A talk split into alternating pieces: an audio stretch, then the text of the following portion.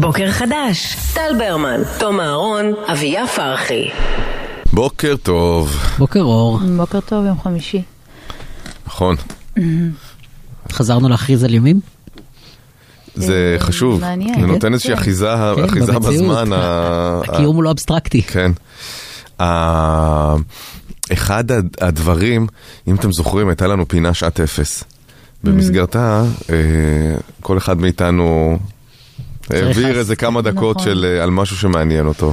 Back in the day, כאילו, בטרומה, טרום המלחמה. טרום המלחמה, טרום החג. כן. ואתם זוכרים, עשיתי על ה-E שווה MC בריבוע, הנוסחה של נכון. איינשטיין, והחלק ב' היה אמור להיות ההמשך של ה- כמה הזמן הוא בעצם יחסי, והמרחב הוא יחסי. ומבחינה פיזיקלית כמובן. כן, ואני חושב שאנחנו, מה זה חווים את זה עכשיו בפרקטיקה? כן. שגם הזמן וגם המרחב יחסיים, והם הם זזים ולא זזים ביחד, והם הם, תקועים אבל השתנו לחלוטין. חייב להגיד שאפרופו היחסיות הזאת של הזמן, אני חושב שייקח הרבה מאוד זמן עד שנחזור לשעת אפס, ואני אומר את זה כי זה תורי. אני... נכון, זה נעצר בך. זה נעצר בי. אני לא מרגיש שאנחנו מוכנים לזה עדיין כאומה, כעם. אני חושב. שיכול להיות לזה אפקט מנחם. ו... ולכן אני ממליץ שאפילו בראשון הקרוב כבר, אה וואו, אולי היום, אולי אולי ממש אחרי החדשות תצא הקרובות. עכשיו רגע תום לשעה, תכין שעת אפס. אמ, כן, לא, גם הזמן באמת עצר, ואתמול הוא עוד יותר עצר, כשאני חזרתי מפה, מהשידור, ונקלעתי לפקק, באמת, הייתי בפקק שעתיים וחצי מרמת השרון לתל אביב, לדרום העיר. הלם. אמ, וכן, מסתבר שביידן מגיע, אז חוסמים את כל הכבישים, גם כאלה שהוא לא צריך, כאלה שהוא לא ביטחון, חשב עליהם. ביוקנעם, תחסום. כן, תקשיבו, זה היה שעתיים וחצי, ו...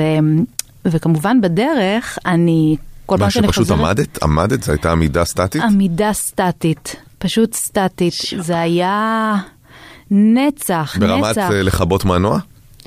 אמ, לא, לא, מה, היא נהג מונית? כן, לא, אין לי לא, כוח. יש פקקים כאלה שאתה אומר, כאילו, יאללה, מה אני סתם היו אנשים שכאילו יצאו באיילון זה לא מהאוטו. קורה. באיילון זה הנה, לא היא קורה. אומרת שהיו אנשים שיצאו היו מהאוטו. אנשים שיצאו אם- אם מהאוטו. עומדים, אז עומדים, כן. כן, וזה, אבל לא, לא, לא כיביתי מנוע, אבל אה, עמדת שעתיים עמדתי. וחצי. והתקשרתי למייט, כמו שאני תמיד עושה כשאני חוזרת מהשידור, כאילו מהפחד שיהיו טילים. מהמם. אז כאילו, אני רוצה שמישהו יהיה איתי על הקו. עכשיו, היא הייתה צריכה להיות איתי שעתיים וחצי על הקו, כן? אבל... אמ, ואז אני אומרת לה כזה, תקשיבי, הכביש אה, חסום, היא עושה לי, טוב, אה, פקקים של נשיא ארצות הברית, זה ביידן, פקקי ביידן. ואני כזה, אני כזה, כן, אבל זה מעצבן, וזה, וכאילו, ולא הבנתי למה אין לה איזושהי חמלה כלפיי, שאני כרגע עומדת בכביש ולא זזה, והיא כזה, תקשיבי, אמ, פעם אה, הסיבה שלאימא אימא שלי יש אה, פלאפון, שהיא רכשה פעם ראשונה פלאפון, זה בגלל אה, פקקי נשיא ארצות הברית. ואני כזה, מה? שבת? מה קרה? אז היא אומרת לי שבשלהי שנות התשעים קלינטון היה כאן, והיא, אמ, אימא שלה הייתה צריכה לחזור מהעבודה, וארבע שעות, וכאילו היא לא חזרה, והם לא ידעו איפה היא. וואו. ולא היה לה טלפון, וזאת הסיבה שהיא רכשה איזה עולם אחר, איזה עולם אחר שלא ידעת איפה בן אדם ארבע שעות. ארבע שעות. וזה כי חסמו את הכבישים של קלינטון, אז לכן היא אומרת לי, בסדר, כאילו, זה היה לה מוכר, כאילו, היא כזה, כן, תחכי, תחכי. מאוד ספציפי. אני, אני מחכה לאייפון 15 כשאני מגיעה הביתה. למה ביידן לא הביא איתו מאמריקה? ממש. כן. ו... אבל זה היה ביקור אה, חשוב, ביקור חשוב. אה, מאוד. איזה דברים, איזה איש. איך הוא מדבר, ב... ב... ואומר- ובדברים שלו יש הכל. מצד אחד, זה מלא באמפתיה וחמלה. ורג, ורגיש, רגיש ל, ל, לסבל, לסבל של הנטבחים ושל המשפחות שלהם ובכלל של כלל האזרחים בישראל שחשים מאוימים. Mm-hmm. ויחד עם זאת זה גם תקיף ונחרץ ובטוח בעצמו וקוהרנטי ו, ו, והיה בזה הכל, היה בזה מין באמת... אה, כמו, כמו ארוחה כזאת שיש בה את כל הטעמים. כן. ו...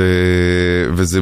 לא, יש לו אוצר מילים אה, מטורף. כן, הוא יודע אנגלית הוא טוב, הוא יודע אנגלית טוב מאוד. פשוט נוגע גם בכל מיני רגשות, הוא, הוא, הוא דיבר באחד הנאומים שלו על האינטימיות של השכול שלנו, כי אנחנו כולנו מכירים, עכשיו להגיע לרזולוציה של האמת שכן. אינטימיות של שכול, אה, וואו, אתה ממש ב...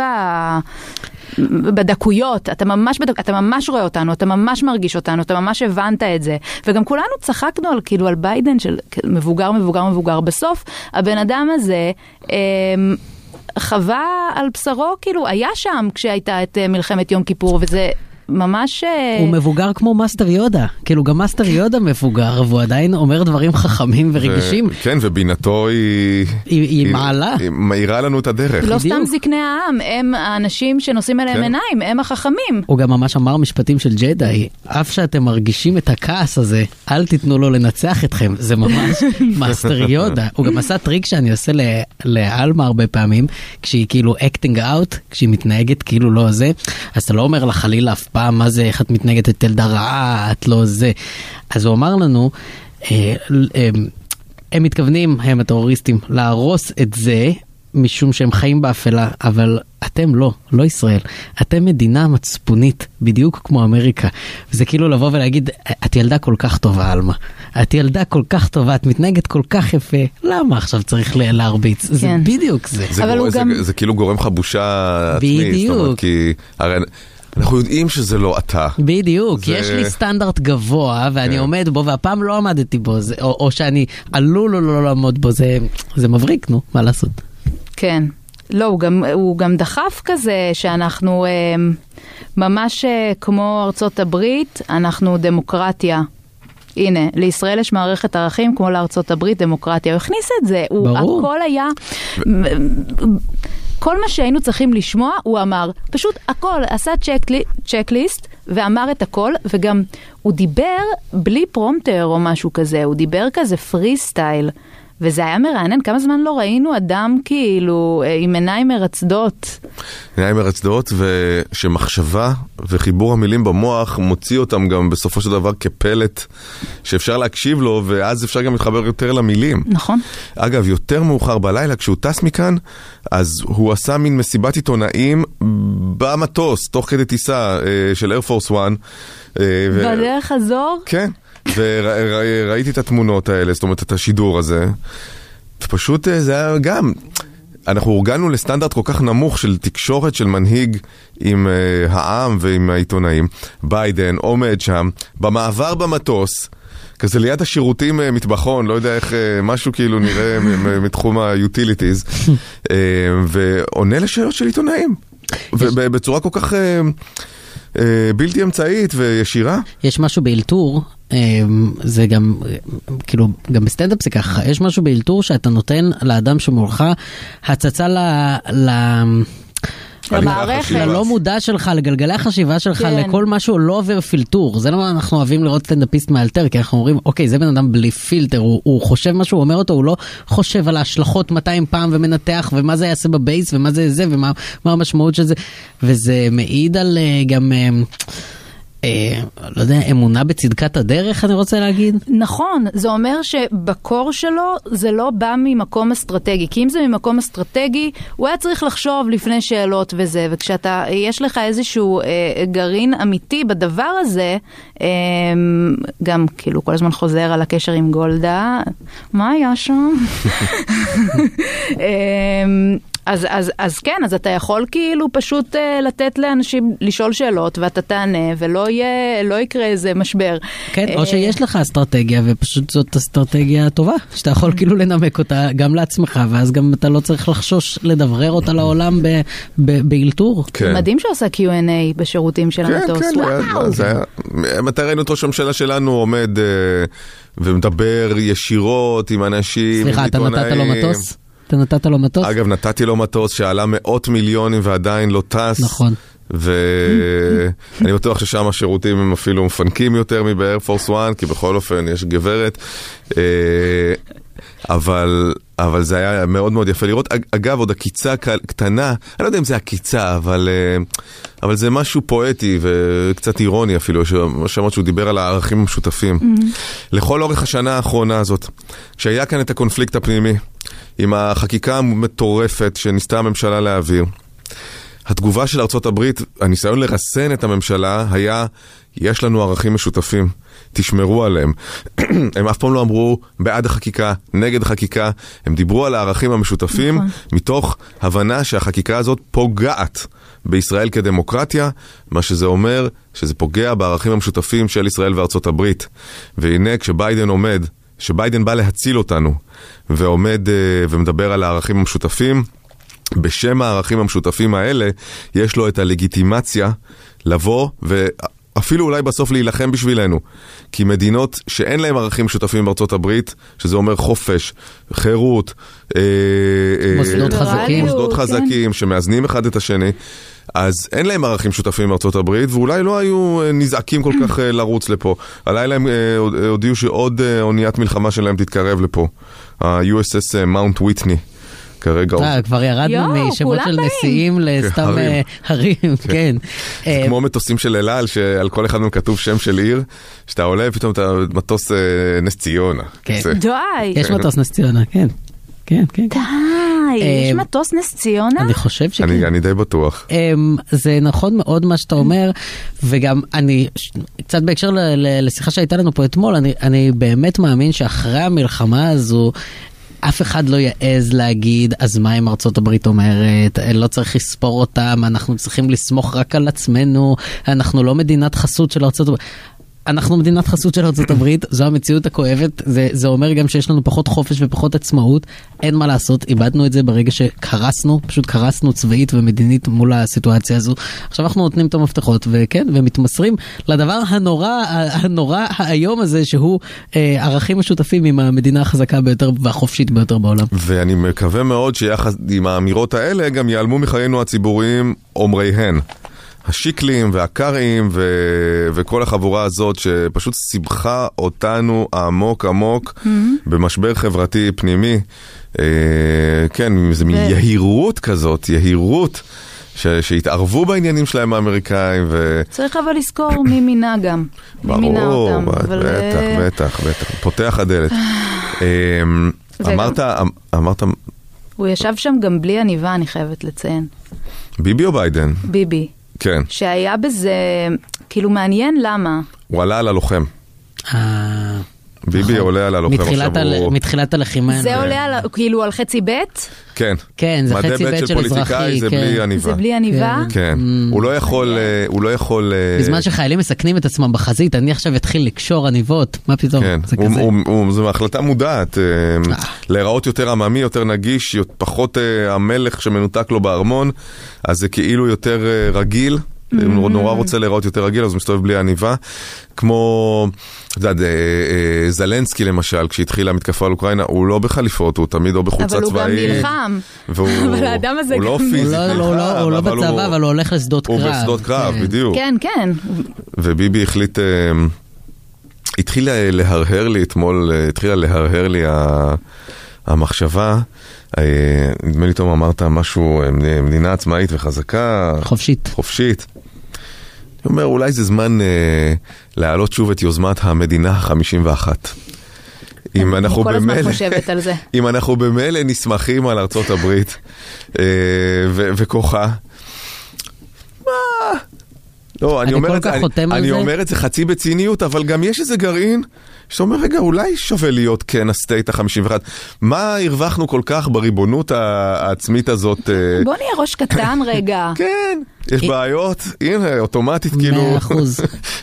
אבל זה יהיה ממש עלבון לפורטו ריקו, אם אנחנו נקבל אה, להיות מדינה לפניהם. אז זה זהו. כאילו דיס. אז זה לא חייב להיות מדינה אה, כמו ה states, כמו טקסס או קליפורניה, יש מדינות שיש להן מין מעמד כזה חצי, חצי אין לך- בפנים. כן, בלי ייצוג בקונגרס. כן. אה, יש איזה אה, מידה רבה של אוטונומיה, אבל אני אומר, ב top, באחריות למעלה, אה, לא, נשמע, קח אותי ביידן. לקחתי, לגמרי. פלוס אה, דרכון, כן? ואזרחות ו green card, זה כאילו ה... תראה, רק לא, נתנו זה- לך- רק נתנו לך פטור מוויזה, זהו, נפתח לנו התיאבון. כאלה אנחנו כאלה אנחנו. היהודים. ואגב, כרגיל, אם אתם רוצים אה, לשמוע שיר שחשוב לכם, מרגש אתכם, מנחם אתכם, ויש סיפור גם מאחוריו, או סתם כי אתם רוצים לשמוע אותו, ו...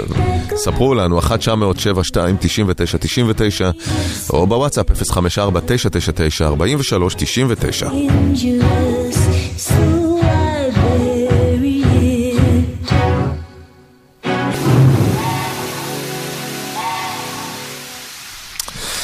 משה, הלו?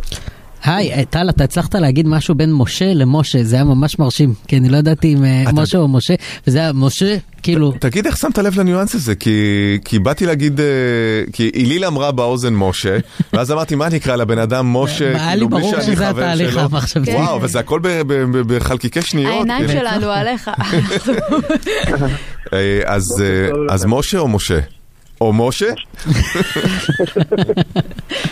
אה, אתם מתקשרים ומספרים לנו אה, על שירים, שירים שחשובים לכם, ולמה הם חשובים לכם, ומה הסיפור אה, מאחוריהם, בין אם זה קשור לעכשיו או, או משהו מהעבר. אז ספ... אפשר להתקשר אגב, עדיין, ודאי, כל הזמן, 1 907 2 99 99 אפשר גם בוואטסאפ 054 999 43 99 כן, משה. אז אני, אני רציתי את, השיר Brothers in Arms של דייר סטרייטס. כפרה על סטרייטס. ורציתי להקדיש אותו לחבר'ה המדהימים שלנו, האחים לנשק שלנו. אמ. האחים לנשק, של הארגון 15 האחים לנשק? או האלה ש... ארגון האחים, כן, ארגון האחים לנשק שלנו. כן. צבא מדהים של 15 אלף מתנדבים שעושה עבודה פשוט מדהימה וכל מה שמדברים עליו זה עוד אפילו לא פרומיל מתוך מה שהוא באמת עושה. אה, זה חבר'ה עם ערכים פשוט מדהימים וזה כל כך מגיע להם. לגמרי. בגדול הם הקימו עליהם. מדינה. הם פשוט ממש. הקימו מדינה. הם תוך... פשוט החליפו את המדינה. זה גם יותר הם מזה, הם. הם היו חלק ממחאה שאחד מהדגלים שלה היה אה, אה, אי, אי, אי התנדבות ולא היה אפילו היסוס באיך שהם אה, השתמשו באותו מנגנון שקידם את, את המטרות שלהם במחאה ההיא כדי להתנדב ול, ולהתייצב אבל שם. גם אותה אי התנדבות, זה היה ממקום של ברור. כאב, אה, כאבה של המדינה. מאה. אחוז, כן. אבל דווקא בגלל שניסו לתאר את זה כמשהו אחר ואמרו להם ליטרלי לכו לעזאזל, זה, זה כאילו, נכון. לא שהיה אין- ספק, אין אבל סוף- זה עדיין מגניב. כן, אמרו שלא צריך אותם. אתם יודעים, אין דווקא כן צריך. נכון, הסתה פראית, הסתה פראית מ- מ- מגורמים בכירים בממשלה, כן, כן. נכון, ו- ו- והם הוכיחו את עצמם בצורה הכי אה, מדהימה שיש. הם יושבים באקספו עם צבא לא נורמלי של מתנדבים, וסדר וארגון שפשוט אה, מדהים לראות. ממש מדהים לראות. היית שם במתחם, אני מת לבקר, קראתי גם את מה שכתב בן כספית וגם את מה שכתב עמית סגל שביקר שם. ו... כן, ו- כדאי. כן? מדהים, מדהים, מדהים, מדהים. עכשיו, ה- אלה באמת האנשים מצוינים. שגם יש להם יכולות ארגון ותפעול וחשיבה וכוח אה, אדם טקטית, ברמה- אסטרטגית, כוח אדם סופר איכותי וגם כסף ופשוט הרימו מערכים שמחליפים כל כך הרבה מערכים של המדינה שלקח להם המון זמן להתעשת ש... ו- ובאמת זה מדהים, מדהים. צריך לראות את זה בשביל פשוט להאמין. אתה חלק מהמנגנון, משה? אה, לא, אבל אני התחלתי להתנדב גם. Mm, יפה. מרק נופלר אמר משהו אגב? לא שאלנו את אה, הדס בשן. לא שאני, לא, לא שאני שמעתי. עוד יהודי שותק. נבוא איתו חשבון. אני לא יודע מה מצבו. לא, צריך לבדוק. תקשיב, הוא לא... כן? לא יודע. הוא איתנו כאילו? לא יודע, אני- לא תרוץ, לא אני, תרוץ. אני איתכם, אני איתכם.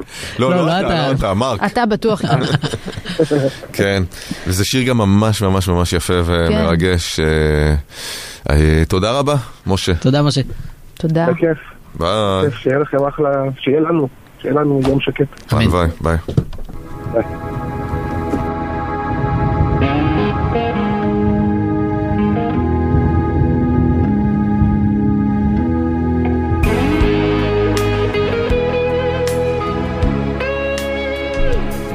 איזה שיר יפה. מאוד. כן, כן. זה כן, כן. הרעות שלהם. למרות שאף פעם לא קראתי את הטקסט של השיר. מה, של לא- בראדר זינר? כן, אז אני לא יודע, לא, זה שיר כזה שהוא הוא תמיד נורא מרגש כאילו ועוצמתי, אבל אני פתאום מבין שבכלל עוד לא אה, הקשבתי למילים לבתים, זאת אומרת, ואיזה סיפור, לפעמים יש הרבה שירים שהם אה, בכותרת שלהם, את אומרת, אוקיי, אז הם מדברים על אה, אה, אה, אחווה, אחים, נשק כן. וכולי, אבל אולי זה מספר דווקא סיפור הפוך בבית. ב- אבל אם זה מרגש לא אותך יודע. עכשיו, אז כאילו על- על- בסיכון סיכוי עדיף לך לא לקרוא את המילים. יכול להיות, יכול אולי להיות. זה סיפור הומואירוטי. על אה, אחים לנשק, אולי, מי יודע, קשה לי להאמין, אבל אה, אולי. אה, בכלל, אני חושב שבמלחמה הזאת, אני פתאום מגלה המון שירים שהם הם תמיד היו שם, אבל אף פעם לא הקשבתי להם לעומק. כן. וכשאתה שומע ברדיו שירים שמנוגנים ואתה מקשיב לטקסט, פתאום זה אפילו כל מיני קלישאות כאלה של דברים, שירים שכבר הפכו להיות קלישאות של ימי זיכרון, פתאום אני מקשיב למילים שלהם ואני, בוף, אני חושב שגם... אני מבין למה הם הפכו להיות קלישאות, אני פשוט פספסתי אותם כל השנים. גם ולפעמים גם בשירים קצת יותר אמ, אמ, אפרים, כאילו, אה, שהם, שהם לא דווקא שירי אבל, יום זיכרון, פתאום מוצאים בהם את כן. אז זהו, אז אני חושב שכשיש אירוע כזה, אז יש חלון הזדמנויות של כמה ימים שאנחנו מאוד אה, רכים ונוחים לקלישאות, ואנחנו כאילו, אה, אנחנו מוכנים לספוג יותר בימים האלה, ואז פתאום אתה מוצא את עצמך מתרגש משירים שאתה אתה, אתה היית כן. כאילו בז להם שבוע לפני. כן. אני אף פעם לא אהבתי את אה, ז'אנר שירי ארץ ישראל וכאלה מילדות, אף פעם לא... נגיד. מה, כזה ארבע אחרי צהריים? כן? לא? וכאלה, ו... ו- אף פעם לא אהבתי את זה. ו- ועכשיו פתאום אני מוצא את עצמי מקבל מהם נחמה.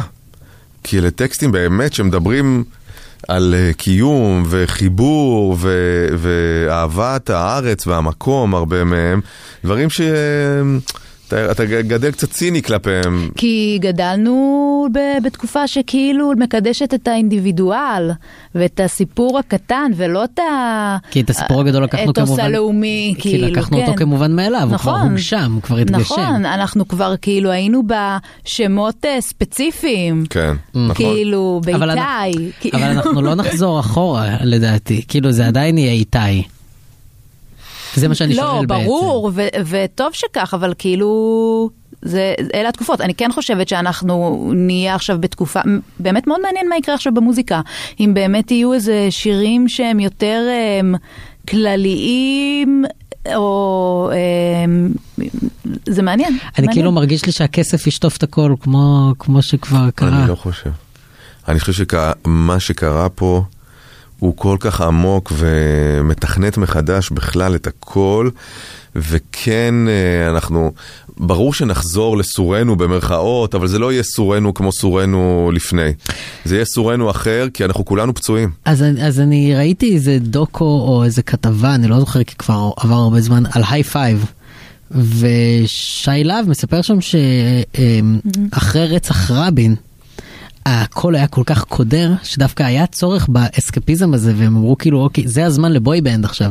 ל boy band ששרה רק על אהבה. אבל ו- הם שר, שרו עומד על צוק. עומד על צוק זה, אם אתה כן, קורא אבל את הם גם הטקסט... שרו אני האש, אני המים, אני הים והשמיים, ולא שטן כרק מלאך יותר מכל אני שלך, וזה כאילו לפני שנייה נרצח ראש ממשלה, ו- והם הם, הם ממש מספרים על זה ככה.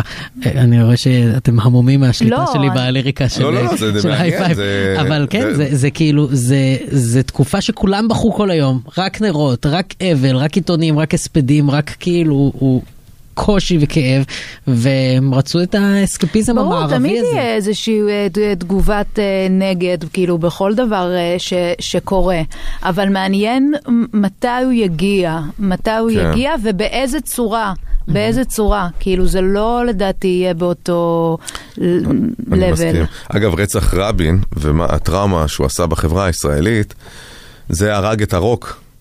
הישראלי, שמתחילת שנות התשעים עד 95 בערך הוא היה בשיאו עם, אה, אה, זאת אומרת זאת הייתה גם המוזיקה הדומיננטית, היו להקות מדהימות, אלבומים מדהימים, שעד היום הם בעצם, אני חושב 90 כזה עד 95, זה, תקופ, זה תור הזהב של, ה, של הרוק הישראלי, ופתאום אחרי רצח רבין נולד כל העניין הגלגלצי הזה של אה, שירי סוף אמצע שבוע רגוע. הדרך, שירי. אמצע הדרך. ושירי אמצע הדרך ש, שכבר... אה, שאין שם קיצון. כן. זה שירים שנעים לך לשמוע, זאת אומרת, זה לא משהו שפתאום תגיד, מה, מה שמעתי עכשיו? תני לא. דוגמה. אה, הכל, ש- הכל. עידן רייכלים, כאילו, שהגיע קצת יותר יותר מאוחר. כן. אבל באזורים האלה, אני מנסה לחשוב על דוגמה מספיק טובה.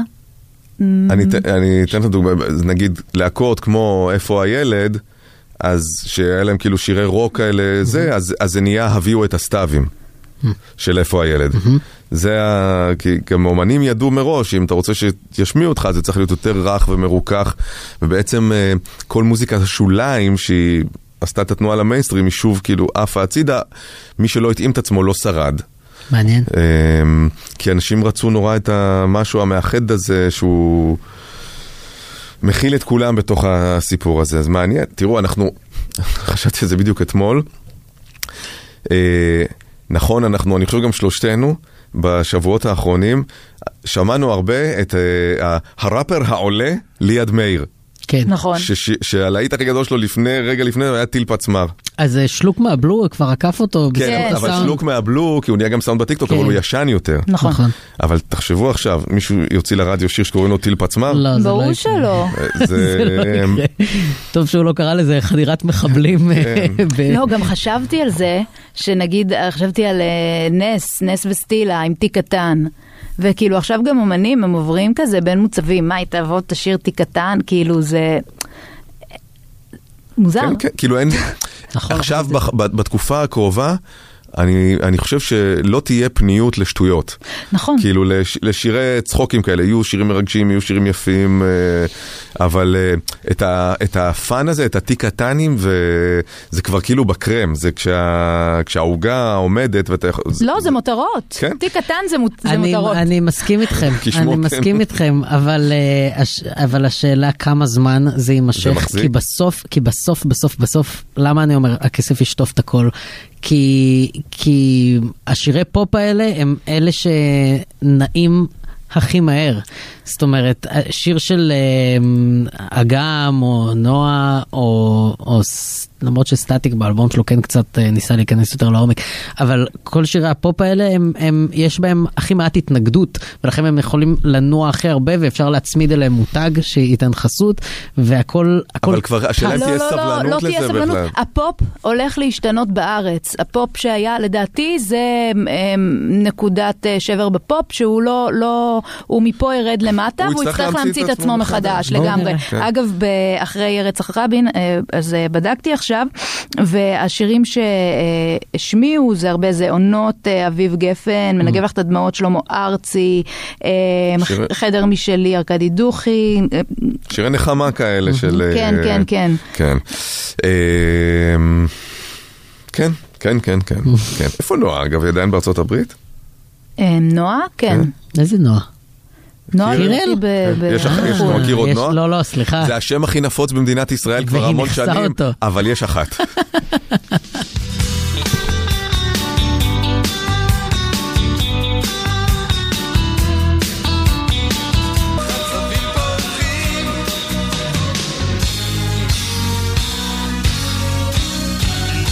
בוקר טוב, יניב קובוביץ', הכתב הצבאי של הארץ. יניב?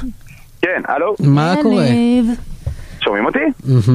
כן, כן, כן. אה, אוקיי, פשוט באמצע השטח, כן. כן, כן. לא חשבנו אחרת. כן. אה, איפה אתה עכשיו? תן מיקום, תן נ"צ שנוכל לתווך. לשלוח את אה, יאיר גולן. ליד אורים, ליד אורים. וואו. אתה יודע, אה, מבחינת כל הצדדים, גם הארץ אה, כתב, עיתונאי, הארץ שמאלני, ומצד שני, אתה יודע, זה יהודי, זה יכול להיות ווין ווין לכל- לכולם. איי איי איי. אתה כרגע האדם. המאוים ביותר. משהו, כן. משהו. אה, ספר, תן תמונת מצב, את העדכון היומי, המבזק קובוביץ'. וואו, חשבת על זה עכשיו? אני, מה- מה- כן, זה לא איזה... לא, לא. דווקא לא רע. אני, יו, אנחנו, מה שנקרא, בשש אחרי המלחמה, אנחנו גם, אני אראה לכם את ההודעות אה, שמקבלים, אז אני, על הפינה, על הדיווח Mm. הזה, אז אנשים אה, כנראה בסדר עם זה.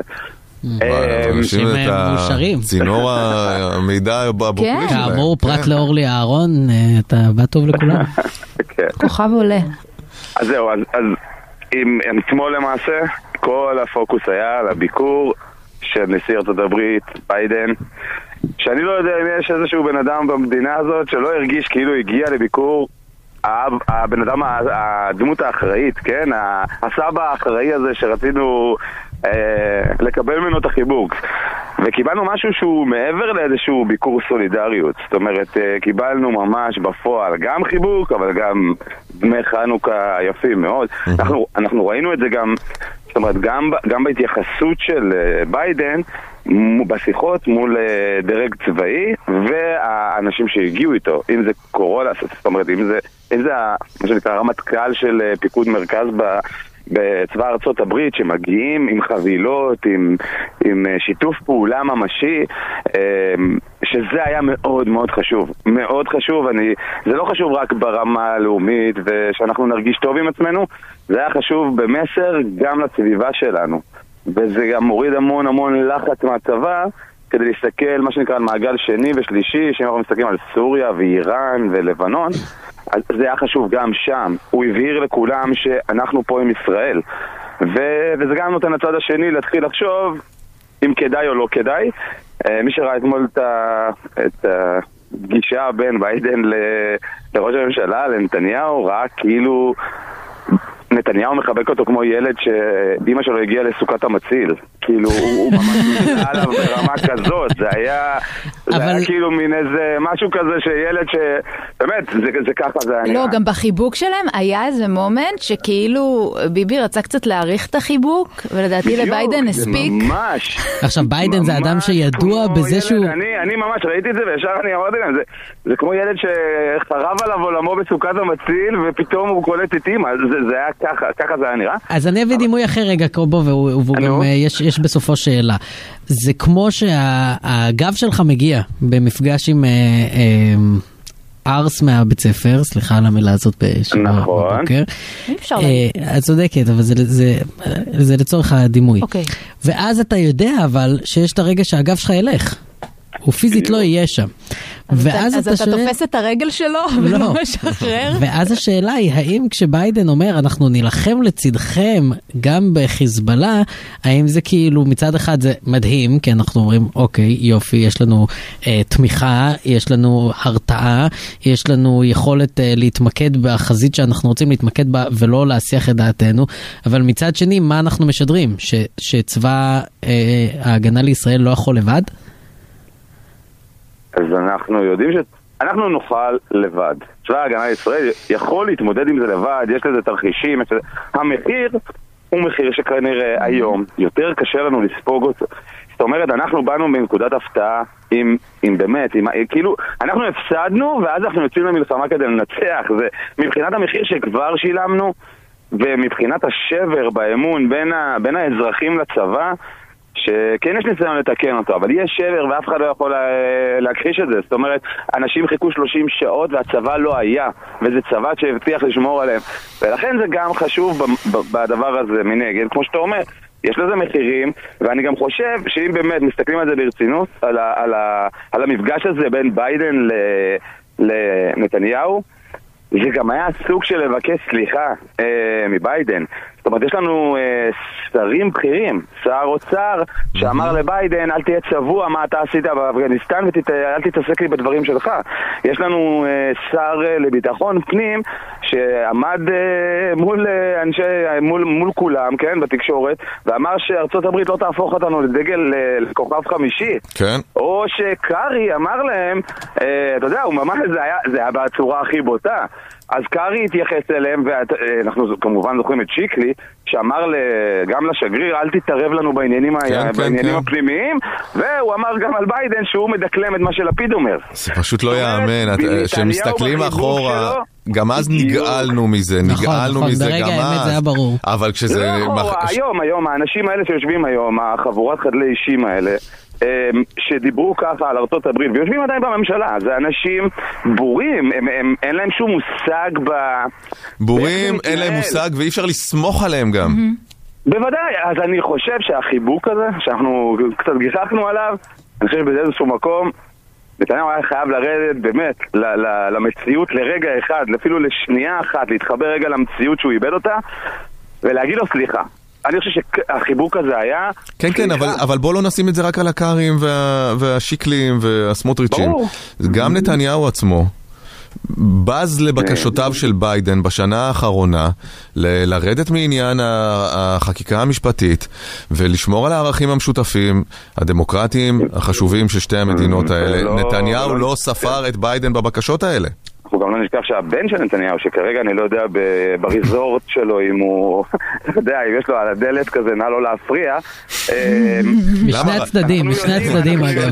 ראינו אותו אורז קרטון אחד למען החיילים, או- או או אורז. מזוודה. הוא ארז. אותו מאוד מהר וחזק. מאוד חזק הוא ארז אותו. כן. כי בדיוק היה. אפי האוור בבר. הייתה שם גם מישהי מאחורה אנחנו זוכרים שבסרטון הזה שהסתכלה בהלם. שולח את האנשי המודיעין שלו ללבות את המחאה. נכון. זאת אומרת, החיבוק הזה. עכשיו, אם נלך לשטח, זה בא לידי ביטוי בעובדה ש- שכן, זה נותן רוח לצה"ל.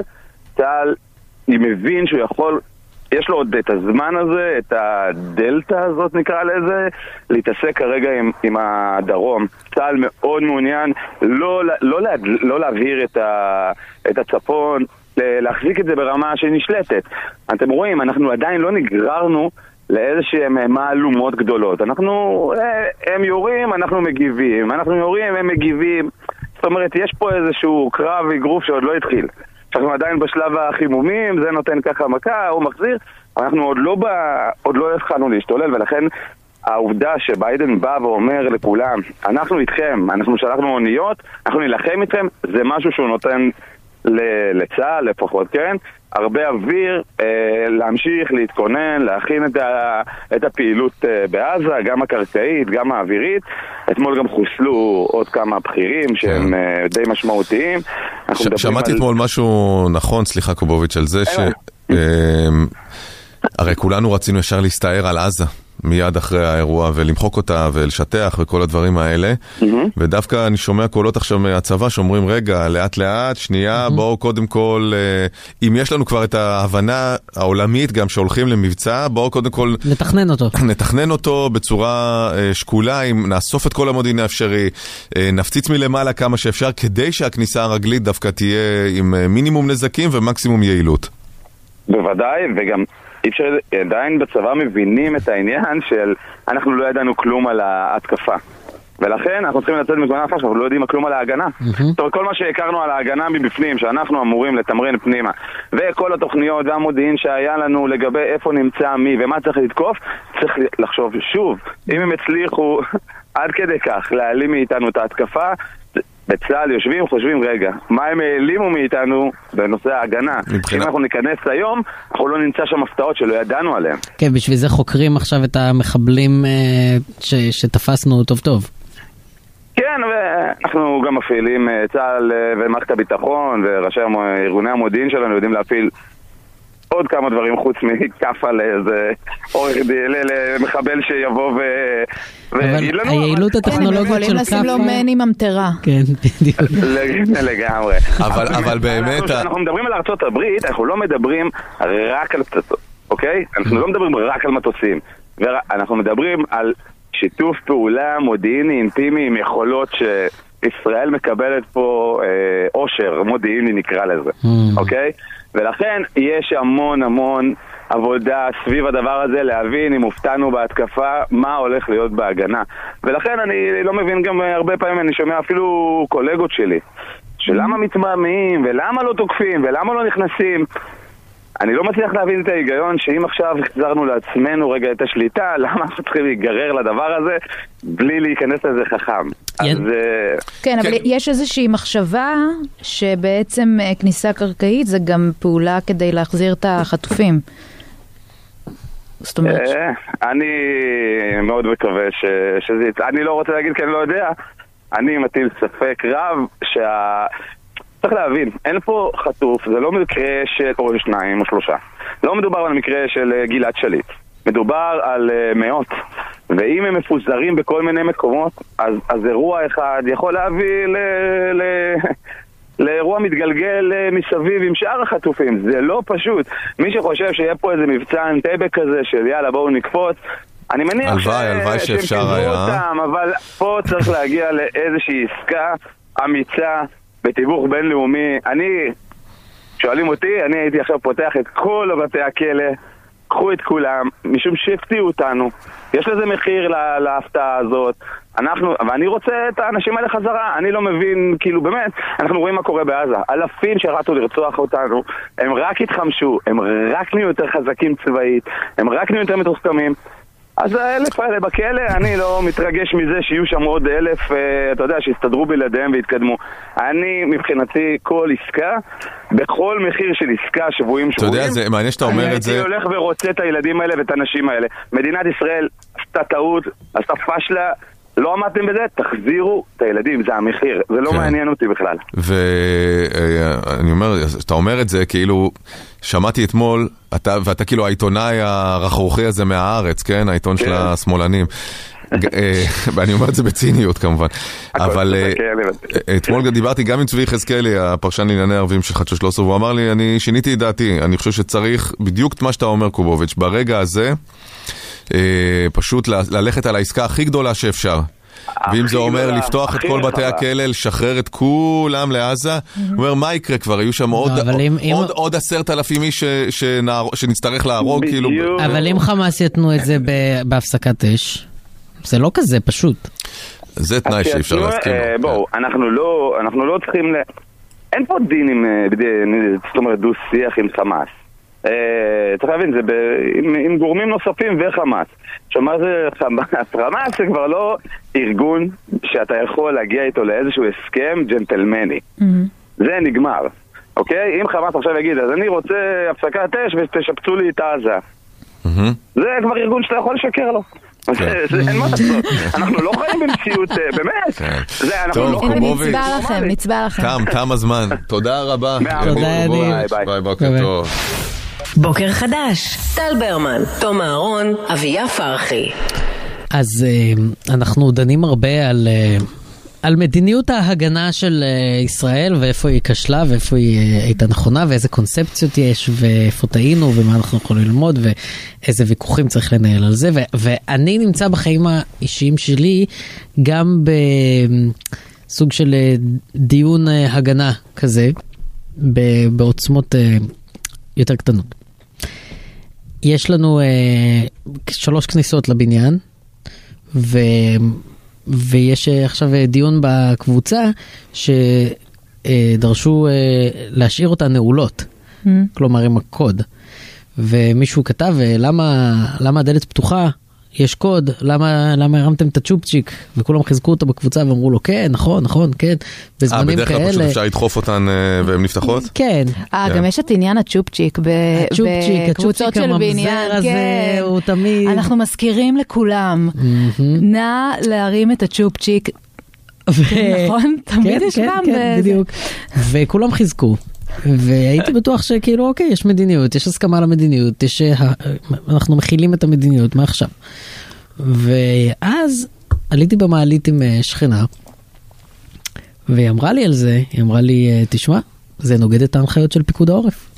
בגלל שאם יש מתקפת טילים ומישהו נמצא ברחוב הבניינים צריכים להיות פתוחים כדי לרוץ פנימה.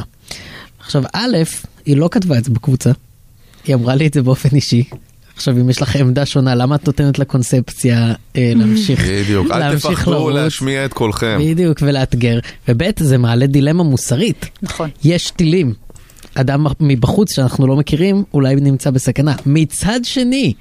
אנחנו יודעים שאלה זמנים שבהם גם אנשים אה, בודדים אה, יכולים ורוצים לפגע ו... ואנחנו מרגישים פחות בטוחים. מה נעשה? ננעל את הדלת או נשאיר אותה פתוחה? כן. זה, אתה יודע מה, אני הייתי עד לד, לדילמה הזאת אה, מתממשת בתור ילד במלחמת המפרץ, כשהטילים חשבו בהתחלה שהם כימיים. נכון. אז הסתגרנו ב... אצלי, לא משנה, בבניין שגדלתי בו, אז זה היה מין אה, חדר ביטחון קומתי כזה, זה ממ"ד אה, כאילו בקומה. ופחדו לפתוח את הדלתות, כי חשבו שיש גז. נכון. אז אנשים, וזו הייתה תופעה רווחת, היו על זה גם הרבה דיונים בטלוויזיה וכזה, שאנשים היו עומדים ודופקים כאילו על הממ"דים אה, מבחוץ, Mm-hmm. ואנשים אה, ומקלטים, ולא פותחים להם, כי ברגע שאתה פותח את הדלת, אתה הגז מכניס את יכול הגז. הרעיל, שיהרוג את כולם, וזה... והרי שמת מגבת בלמטה. ברור, אטמת הזה, את הכל כן. הרמטית. לא, זה היה אין שום סיכוי בחדרים שהגז בבתים. ייכנס. ו- הגז יגידו, סליחה, לא ידעתי, כן. ותחשבו על האימג' הזה שיהודים דופקים על דלת מבחוץ כי גז מגיע ויהודים אחרים לא פותחים להם את ה... אבל, אבל זה כן, בכלל כל העניין הזה של ההגנה האזרחית עכשיו הוא נהיה משוגע. אז זהו, אני, אני מכירה את זה, אבל for real מלפני יומיים אה, הייתה אזעקה והיינו כזה בחדר מדרגות, ואז היו דפיקות על הדלת ממש חזקות של להיכנס, וכזה... וואו. אני כזה, אני לא הולכת לשם, שיהיה ברור, אני לא הולכת לשם. לפני שבוע היה שם מלחמת אזרחים של מדינה אחרת ברחוב שלך. נכון, נכון. כאילו צריך גם לשים את זה בקונטקסט. לא, גם אה, בכלל, הכניסה שלנו זה כניסה של, אה, זה מבואה כזאת עם, אה, אפשר לקרוא לזה אה, בסיס האם. של כל הנרקומנים, משם הם יוצאים לסיבוב, זה, זה האירוע. זה האירוע, כן, זאת המפקדה, משם הם יוצאים לאיסופים. אבל, אז, אז היה מישהו שדפק, וכאילו, אה, הסתכלנו אחד על השנייה, אמרנו, טוב, נראה לי שצריך אה, ל- לפתוח את הדבר הזה. ואז אה, אה, איתי בבניין, יש עוד איזה כמה, שחקן מוכר, לא נגיד את שמו, הלך אה, לפתוח, שלחנו את השחקן. ואז כזה אמרנו לו, תשאל אותו. אתה, די- אתה, די- אתה דיספנסיבל, במילא... כן, אתה האחרון לחזור, אתה- התרבות זה הדבר האחרון שיחזור. לא, אבל לשחקן זה נורא קל לשכנע, זה, זה חשוב, זה התפקיד שלך. כולם נושאים כן. אליך עיניים, ברור. אה, כן. אה, וואו, יש לי כל כך הרבה דברים להגיד, ואני אגיד אותם בהפסקה. בחיים לא רציתי שהמיקרופון יכבה מה שאני רוצה עכשיו, בחיים. וואו, אז הוא הלך לשם, ואז הוא שאל, מי זה?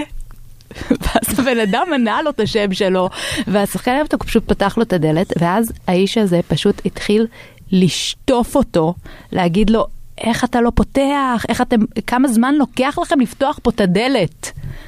מה יכול לקרות? מה יכול לקרות כשיש טילים? ומי יכול כבר להיכנס? וכזה, זה בדיוק מה שקרה. היו טילים. נכון, נכון, בדיוק, ואז הם דפקו כן. על הדלת, זה הסיפור שלנו, בגלל זה אנחנו מפחדים. זה גם בדיוק מה שמחבל היה אומר, אדוני. וזה בדיוק הזמן שבו עליתי למעלה, חזרה הביתה וסגרתי את כן. הדלת. עכשיו, ב- ב- ביממה האחרונה, אה, בדיוק התרחיש הזה, הוא נהיה פופולרי בטירוף, כאילו, וויראלי בקבוצות וואטסאפ וגם בפייסבוק, וכאילו... עכשיו, אני אגיד את זה בזהירות, כי, כי אתה, אנחנו לא יודעים באמת אם אמיתי או לא אמיתי. סביר שלא אמיתי, אבל אנחנו כבר במציאות שגם הדבר הסביר שהוא לא אמיתי, הוא היה, הוא נהיה אמיתי. אין אקסיומות יותר. אז uh, יש איזה פוסט כזה שמסתובב, שאני גם לא יודע מי כתב אותו, אם זה בן אדם אמיתי או אפילו לוחמת מודיעין איראנית, הכל יכול להיות. על זה ש... ו- ואני גם רואה אצלנו בקבוצות וואטסאפ השכונתיות והאזוריות וכל מיני אנשים ששיתפו את זה. שכביכול יש אה, אזרחים ערבים שמסתובבים ומצלמים כניסות לבתים והכל כדי שבכניסות לבתים ובתים ורחובות וכולי, הכל כדי שביום פקודה, והיום פקודה זה קרוב מאי פעם, אה, כפי שמעזה עלו עלינו, גם בתוך הערים המעורבות ומיהודה ושומרון, יעלו על הערים הישראליות. עכשיו, זה כמובן יוצר... פאניקה. פאניקה, פחד, בעתה. כל uh, אזרח, אפילו ערבי, הופך להיות uh, uh, חשוד uh, פוטנציאלי ומחבל פוטנציאלי, מה שהם לא כמובן. והמשטרה מנסה להדוף את זה. ולהגיד, בדקנו את כל המקרים האלה של ה... ומדובר באנשים או שעובדים, או שמהעירייה צילמו, זאת אומרת, אין כרגע עדות ממשית שאכן מדובר באיזושהי הכנה למתקפה או ריגול. מצד שני, אנחנו ראינו, אין, כבר אי אפשר לסמוך על כלום במובן הזה של... אה, זאת ידיעה מפחידה עכשיו- מאוד. עכשיו זה גם כבר אני לא- עשה את הנזק, כאילו. כמו במקרה של הבית חולים, השקר אה, מופץ במהירות האור, והאמת הולכת, אה, מזדחלת לה מאחוריו. זה לא, אני לא יודע אם זה השקר במקרה הזה, כי כמו שאתה אומר, אבל אי אפשר אנחנו לא לדעת אם זה יודעים. שקר, כן. אני חושב שמה שמפחיד נע מאוד מאוד מאוד מהר, וזה מאוד מאוד מפחיד. ואנשים, אה, גם הם, אנחנו עדיין נמצאים בטראומה של ב-7 באוקטובר, ואנחנו עוד בטראומה של שומר חומות, שבו גם התנפצו איזה שהן אקסיומות שהיו לנו לגבי היחסים בין ערבים ויהודים בתוך מדינת ישראל. הגענו למקומות שלא חשבנו שנגיע אליהם. אמ, אבל, אבל הנ... נכון, לגמרי. אני כאילו, אומר, אני זה- לא יודע. אני, זה... גם לא, אני גם לא רוצה כאילו לשפוט את הפחדים של אנשים. אני לא שופט לא, לא פחדים. אתה, לא אתה. אני- אני, אני- רואה פוסטים כאלה שמאשימים כל אדם שפוחד בגזענות ובאיזה... זה tricky, נו, זה מורכב. לא, מה, זה- אני יושבת בבית, והמחשבות שעולות לי בראש זה אם עכשיו מחבל נכנס. כן. ואני כבר, אני כבר, יש לי תוכנית פעולה. אני קופצת, יש שם למטה, יש אה, לא. מין כזה, זה לא מרפסת למטה, מין כזה, לא יודעת, כאילו יש לי לאן לקפוץ שזה יהיה בקומה ראשונה, זה קצת דק, בסדר, רגל תישבר, הכל בסדר. כאילו כבר בראש שלי את התרחיש, אני, אני אשכב שם, אני אצמד לרצפה, אני ארד דרך המרזה, כאילו כבר יש לי את התוכנית פעולה. כי הב... ואז- הביטחון הבסיסי של הקיום שלנו כאן התערער. ו... ופוסטים כאלה, הם, אה, אני אומר, יכול להיות שהם אמיתיים, ויכול להיות שזה גם מודיעין איראני שבדיוק רוצה לפגוע ולערער את, ה... את, ה... את הביטחון הבסיסי שלנו ולהסית אה, אזרחים נגד אזרחים וליצור כאן חוסר יציבות פנימית גם. מסכים. זה, זה, כל הסקאלה היא אפשרית. באופן כן, עקרוני. אבל, אבל הדבר שגם עוד יותר אה, גרם לי לדבר הזה, הייתה אה, מישהי שהתראיינה בחדשות 12, קראו לה אור צוק. אה, ההורים שלה נרצחו. אה, ו- בכפר עזה. בכפר עזה, והיא, טוב, היא האדם עם הכריזמה הכי גדולה שיש, כן? היא, היא דיברה והיא דיברה ישר ללב, בלי חרטות, בלי כלום, פשוט דיברה, הסתכלה למצלמה ואמרה, אה, מה אתם חושבים? שזה לא יגיע גם אליכם? אתם חושבים שזה לא יגיע לתל אביב? שהם לא יפתח, אה, אה, ייכנסו לכם לבתים וישחטו אתכם? וזה היה, מאז הפחד שלי הוא באמת, הוא עוד יותר ממשי. כאילו אני אומרת, אוקיי, נכון, מה, מה אני חושבת לעצמי? זה קרה. וזה קרה באמת לא כזה רחוק. ואז אני אומרת, טוב, אז אולי כן צריך להיות כאילו אקסטרה זהירים. אני מתה כבר ש- שזה, שזה פשוט, הפחד הזה יעבור לי. אני כי מה בן חייבת שהוא אדם רוצה יעבור לי. בחיים שלו מלבד לא למות? מלבד לא לחשוב שהוא יכול למות. ביטחון אישי. שהוא יוצא לרחוב, או בבית שלו, או באוטו שלו, וזה דבר שייקח לו זמן לחזור לפה, אנחנו באמת במציאות כאילו משוגעת, גם העסק יכול הרי להידרדר ולהסתבך ברגע. אנחנו כאילו עכשיו באיזה מין שגרת... שגרת מלחמה, כמו שגרת- שאומרים. אבל היא עוד לא מלחמה אפילו. זאת אומרת, אנחנו בשגרת התכוננות למלחמה. היה פה פיגוע, פיגוע, היה פה טבח רצח, רצחני שהוא ממדיו עדיין בכלל בלתי ניתנים לעיכול, אבל בימים האחרונים אנחנו כן באיזשהו סוג של התרגלות. אבל היא יכולה להיות מופרת והיא כנראה תופר ב- ב- ב- בככה. אנחנו בהתכנסות לקראת, אה, כן. לקראת המלחמה האמיתית. כאילו זה... ואני לא יודע וכן איך, צריך איך להיות. ערניים וצריך להיות אה, אה, על המשמר. כן, צריך, אבל באופן כן. עקרוני עדיף לא להעביר ידיעות אה, ביטחוניות בוואטסאפ. תמיד, כ- ככלל אצבע, הדברים הרציניים והחשובים לא יגיעו אלינו ב- מהרשתות החברתיות מגורמים עלומים ואנונימיים. אנחנו צריכים לזכור שגם אם יש לנו מערכת ביטחון שגם אם היא טעתה, והיא שגתה והיא כשלה כישלון חמור מאוד, אה, היא עדיין יותר טובה מדודה שלך אה, סימה. ברור, ברור. ומאיזה אבל יש פרופיל אה, אנונימי בפייסבוק. יש את סימה, אבל הנרקומנית, שהיא ממש משמשת כדורמנית. ואני יכולה ל- להיאחז בה, שהיא. תהיה בכניסה לבניין. הזכרת לי עכשיו כמה אני רוצה שהמיקרופון יכבה. תחילת השיחה. ו- וזה נורא, אני, אני באמת רק רוצה לחדד, ולא לחדד, להדגיש עוד ועוד. יש את כל הידיעות האלה שמופצות מדוד של חבר שלי שזה שהוא, ותמיד כאילו מעביר, מעבירים את זה בוואטסאפ, ובדרך כלל זה מגיע מהורים, ואני אני תמיד מנסה להסביר. בואו, הוא לא בבור. אוקיי? והוא לא דוד של אף אחד. והוא פשוט מישהו שסתם כתב משהו, וההפצה של זה חסרת האחריות, היא עושה נזקים. וצריך נורא נורא נורא להיזהר עם זה. עכשיו, גם אותו פוסט בפייסבוק שנהיה ויראלי סביב הצילומים של החזיתות והכניסות לבתים, זה, אנחנו לא יודעים מי זה האיש הזה. זה איש שיש לו שם פרטי ושם משפחה אותו דבר. אני... שזה תמיד מחשיד. זה תמיד אה, נכון. אפריורית, זה... זה... זה, שזה גם מלמד אותך על אה, אה, מידת החוסר מקצוענות של אנשי הלוחמה הפסיכולוגית בצבא האיראני. כאילו, אתם כבר מקימים פרופיל מזויף, אתם תקראו לו שרון שרון? כן. חסר שמות משפחה? כאילו, תכתוב בגוגל שמות משפחה יהודים. אם זאת הייתה סימה סימה, הייתי...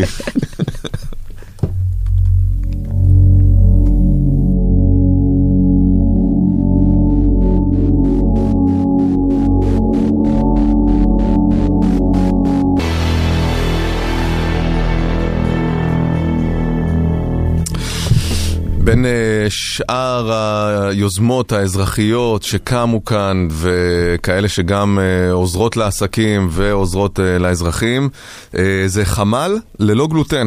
שלום לאורן דייוויס כפיר ממאפיית בלי קמח. בוקר שקט לכולם. בוקר טוב אורן, מה נשמע? בוקר טוב. אז ספר, ספר למה צריך בעצם חמ"ל ללא גלוטן ומה אתם עושים. וואו, טוב, אז אה, לא, כמובן לא רוצה להיכנס אה, לכל מיני, אה, אה, לשיח פוליטי, אה, הרבה נשאבים לזה ועל כורחנו, אבל אה, אה, נעזוב את זה בצד, באמת. אני אדבר כן על מה שקורה בבסיסי צה"ל.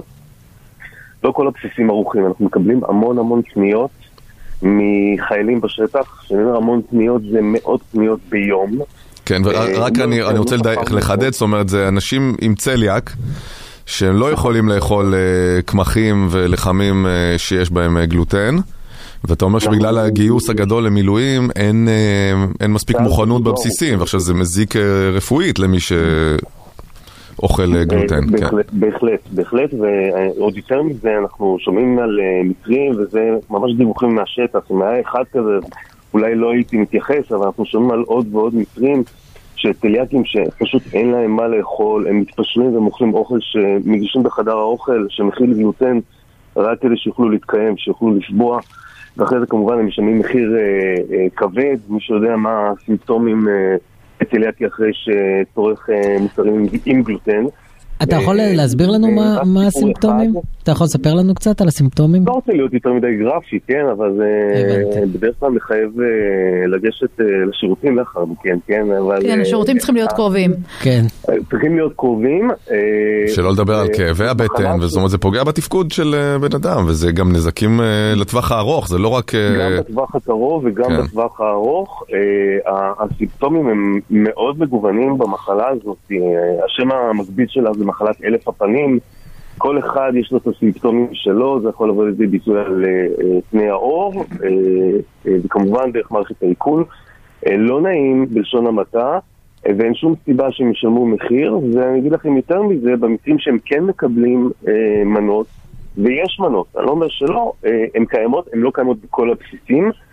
אה, שוב, כמובן, כמו שטל אמר קודם, היות וצה"ל לא ערוך כמו שצריך, אבל כשכן מקבלים, המנות או לא טעימות או לא טריות.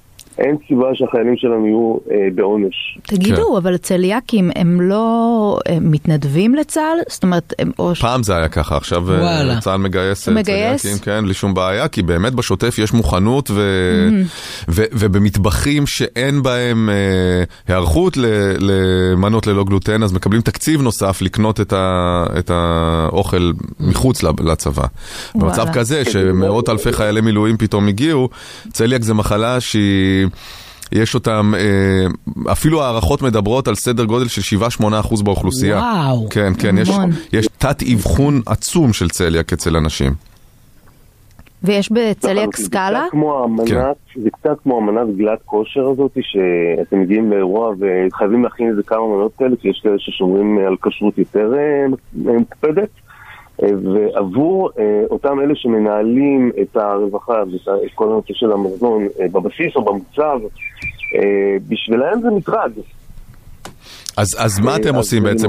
התאגדתם כמה, להיות- כמה מאפיות, נכון? ומה, משנעים אה, מוצרים? נכון. אז אנחנו קודם כל התאגדנו, התחלנו, אנחנו בבלי קמח יחד עם חברים טובים שלנו, שהם גם הם בעלי מאפיות מוכרות, כמו גלוטריה, ביחד עם אה, דביר בר, ואנחנו יצרנו חמ"ל משותף. אה, הצטרפו אלינו אה, כדי להשתפר וגם להשאיר את המגוון ברדברי וגולוטן, יהודית ללא גלוטן שיש לה מאפייה בירושלים והפי גלוטי.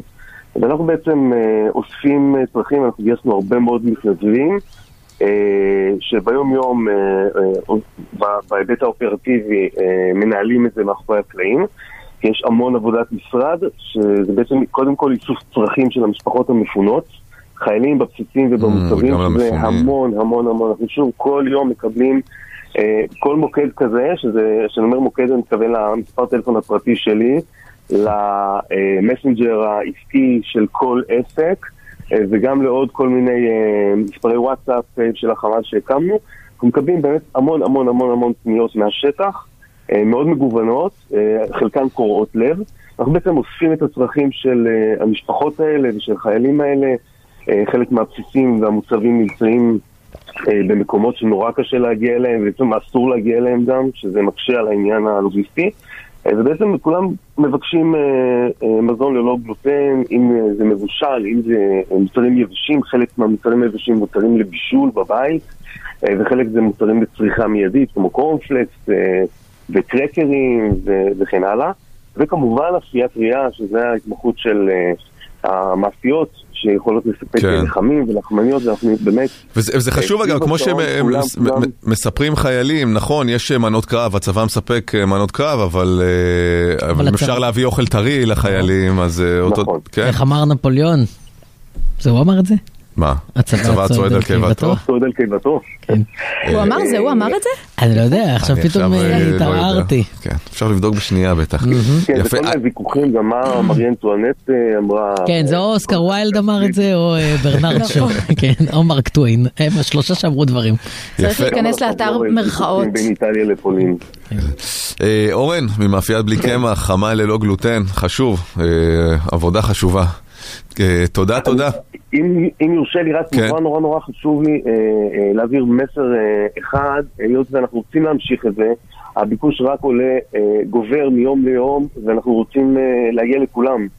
הקמנו אה, מרכז תרומות גם דרך פייבוקס וגם אה, אה, פלטפורמה של חו"ל, על מנת שכל אדם בעולם יוכל לסלוק אה, את כרטיס האשראי שלו.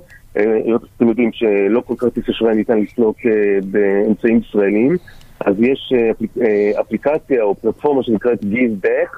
אה, אם אתם רוצים דרך ההפקה אני יכול להשאיר לינקים. כן, אנחנו נשים את זה אצלנו בפייסבוק, קבוצת בוקר חדש. כל תומכי, מאזינים שלנו ששומעים, כל תומכי ישראל וקהילות יהודיות, פילנטרופים, כל מי שיכול לתרום כספים דרך שתי הפלטפורמות האלה, או באמצעי אחר יצירתי שהם חושבים עליו, זה יהיה לנו מדהים על מנת שנוכל לספק את המענה הזה לכל מי שמבקש. הסיפורים הם באמת קורעי לב. התודות שאנחנו מקבלים מהאנשים האלה אה, הם באמת אסירי תודה. אנחנו, אין יום שאנחנו לא נשארים עם דמעות בעיניים, אנחנו והמתנדבים שלנו. כן, וזה גם למשפחות מפונות וגם לחיילים. אה, לחלוטין. תודה, אורן. בוקר תודה טוב. לכם, תודה רבה. תודה. תודה, אורן. ביי. צריך להבין שזה לא איזה, כאילו, זה לא איזה פינוק, זה לא פינוק כן, אה, פריבילגי, ברור. זה כמו תרופה, זה כמו, זה כמו, כן, כן, אני, אני בדיוק קוראת על, אה, על אה, מעמדם של חולי הצליאק בצבא, כי עניין אותי, כי כשאני הייתי בצבא, אני חושבת שלא, הם היו מתנדבים, ועד ל-2010 הם גויסו עם פרופיל אה, 45, מ-2011 הם קיבלו פרופיל 21 שלא כשירים לשירות והורשו להתנדב, ומ-2014 הם הורשו להתגייס עם פרופיל 97 וסעיף ליקוי. עכשיו כאילו... מ-0 ל-100, כן, כן. כאילו מלהתנדב. כן, כי פתאום אמרו, אה, אפשר 97." שפשוט לא יאכלו לחם, כן. כאילו, והם יהיו ממש כמו בני אדם רגילים. ממש, אפשר להתגבר. כן. וגם זה לשנים גם שנהייתה הרבה יותר מודעות, ויש הרבה יותר אה, מוצרים מבחינת, אז זה לא נכון. איזה נטל כזה נכון. על, הצבא ולאנשים שרוצים לשרת. חשוב, אין שום בעיה. אגב, באמת יש תת אבחון מטורף לצלק, אני מכיר את זה מהבית פשוט, ש... את כל הנתונים והמספרים, וזה שזה מין אה, מחלת אלף הפנים, אתם יודעים שיש הרבה ילדים אה, נמוכים, שברגע שמאבחנים אצלם צליאק, אה, אז... אז הם גובים? הם גובים. ממי, אם את שומעת את זה? לספר- אני יכול לספר את זה אפילו מה, מהסיפור האישי שלי, של הבת שלי שיש לה צליאק, שבכיתה ב' הבחנו את זה, ותוך, אה, הוא אובחן אצלה, ותוך חצי שנה היא גבה בשישה סנטימטר. כי וואו. המצב הדלקתי הזה, אה, המתמשך שהוא צליאק, הוא, הוא פוגע בכל מערכות הגוף. יש המון אנשים שבגיל 60... נפוליאון היה צליאקי. כן. שבגיל 60 פתאום יש להם, אה, אה, לא עלינו, סרטן במעיים, ומסתבר שזה התוצאה של הצליאק המתמשך הלא מאובחן. אה, יש כאילו אין ספור אה, פנים ו- וזה. אני הולך להפסיק לצרוך קמח, ונתראה פה עוד חצי שנה כשאני גבוה. בשישה סנטימטרים. האמת שבדיקת דם פשוטה, פשוט מ- רק, רק צריך אה, שיותר רופאים יפנו לבדיקה הזאת בתוך סט של בדיקות דם ש- שעושים. ואז יש לך תשובה חד משמעית, או שזה זה, זה מעורפל צריך? גם אה, הרבה פעמים גסטרו... בדיקת... כן. אה, מה, אה, בדיקה גסטרו- מדהימה. אנטרולוגיה? לא, לא, זה מהכיוון השני. אה, גסטרוקולון- גסטרוסקופיה. גסטרוס- כן. גסטרוסקופיה.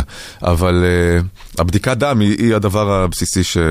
כן, אבל too late כבר, אני חושב, מבחינת גובה. אל תסגור לי אה, את הדלת הזאת, אל תסגור אותה.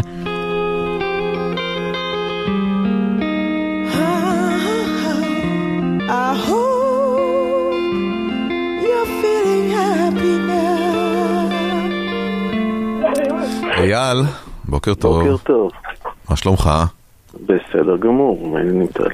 אני בסדר. גמור. אביה ותום? אנחנו גם. מה שלומך? בסדר גמור, תודה. אז אתם משתפים אותנו, אייל, בשירים שחשובים לכם, שירים שמשמעותיים עבורכם, ומספרים לנו גם למה. נכון. ספר.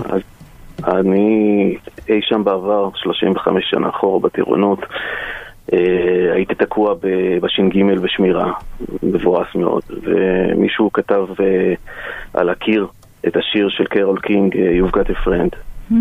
אה, ככה שישבתי וקראתי אותו, ופשוט, לא יודע, זה איכשהו נתן לי משמעות אחרת פתאום, שלא משנה באיזה מצב אתה, אם זה חורף, קיץ, לא משנה איזה, זה, תמיד יש לך חבר, ותמיד אתה צריך להיות חבר.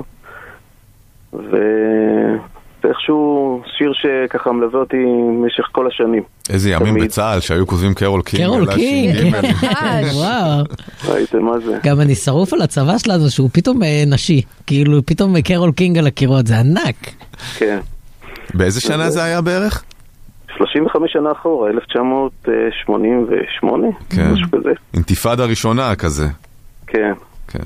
אה, זהו. ומאז זה השיר נתן- הזה, כן, האמת פשוט ולעניין. פשוט... אה, כן. שזה ממש האלבום הזה, זה אלבום פשוט נכון. ולעניין. כותבים אה, נכון. עכשיו את יוניקורן. כן. מישהו מסתכל. וואי, אה, אייל, יש לך קול, אני חייבת להגיד, אה, ממש דומה לאמיר לב. אוקיי, אני אעבוד על זה. אני, לשיר אני לא יכול, אבל לא לא בגבוהים כשאתה כאילו, זה, יש לך- יש לך קצת כאילו של האמיר לב. אה, יפה. אני קרוב לזה. אני יודע. אני לא רחוק לחלוטין, אבל בסדר. כן. טוב אייל, אז נשמע את אה, קרול קינג. תודה רבה. אה, רגע, אני רק רגע, כן, כן. אני רק רוצה כבר על הדרך, לאחיינית שלי ולי יש היום אה, יום הולדת. אה, מזל טוב. 40 שנה הבדל, היא בת 13 היום, אני בן 53. כן. אה, אז יא. מזל טוב. והבנות שלי פה. אגב, אה. אה, הן ממש נשמעות כמו הבנות של אמיר לב. אפשר להגיד, זה בדיוק אותו סאונד. אותה אנרגיה. אותם כפיים. אז אה, רוצה למסור גם מזל טוב לענבר, כן. אה, ליום הולדת שלה. ומזל טוב לך אייל, ובטוח אה, היינו כולנו שמחים לחגוג ב- בנסיבות הרבה יותר אה, משמחות נכון. ומאפשרות, אבל בכל אופן, יאללה, תודה. תודה רבה, אייל. תודה. ביי. ביי.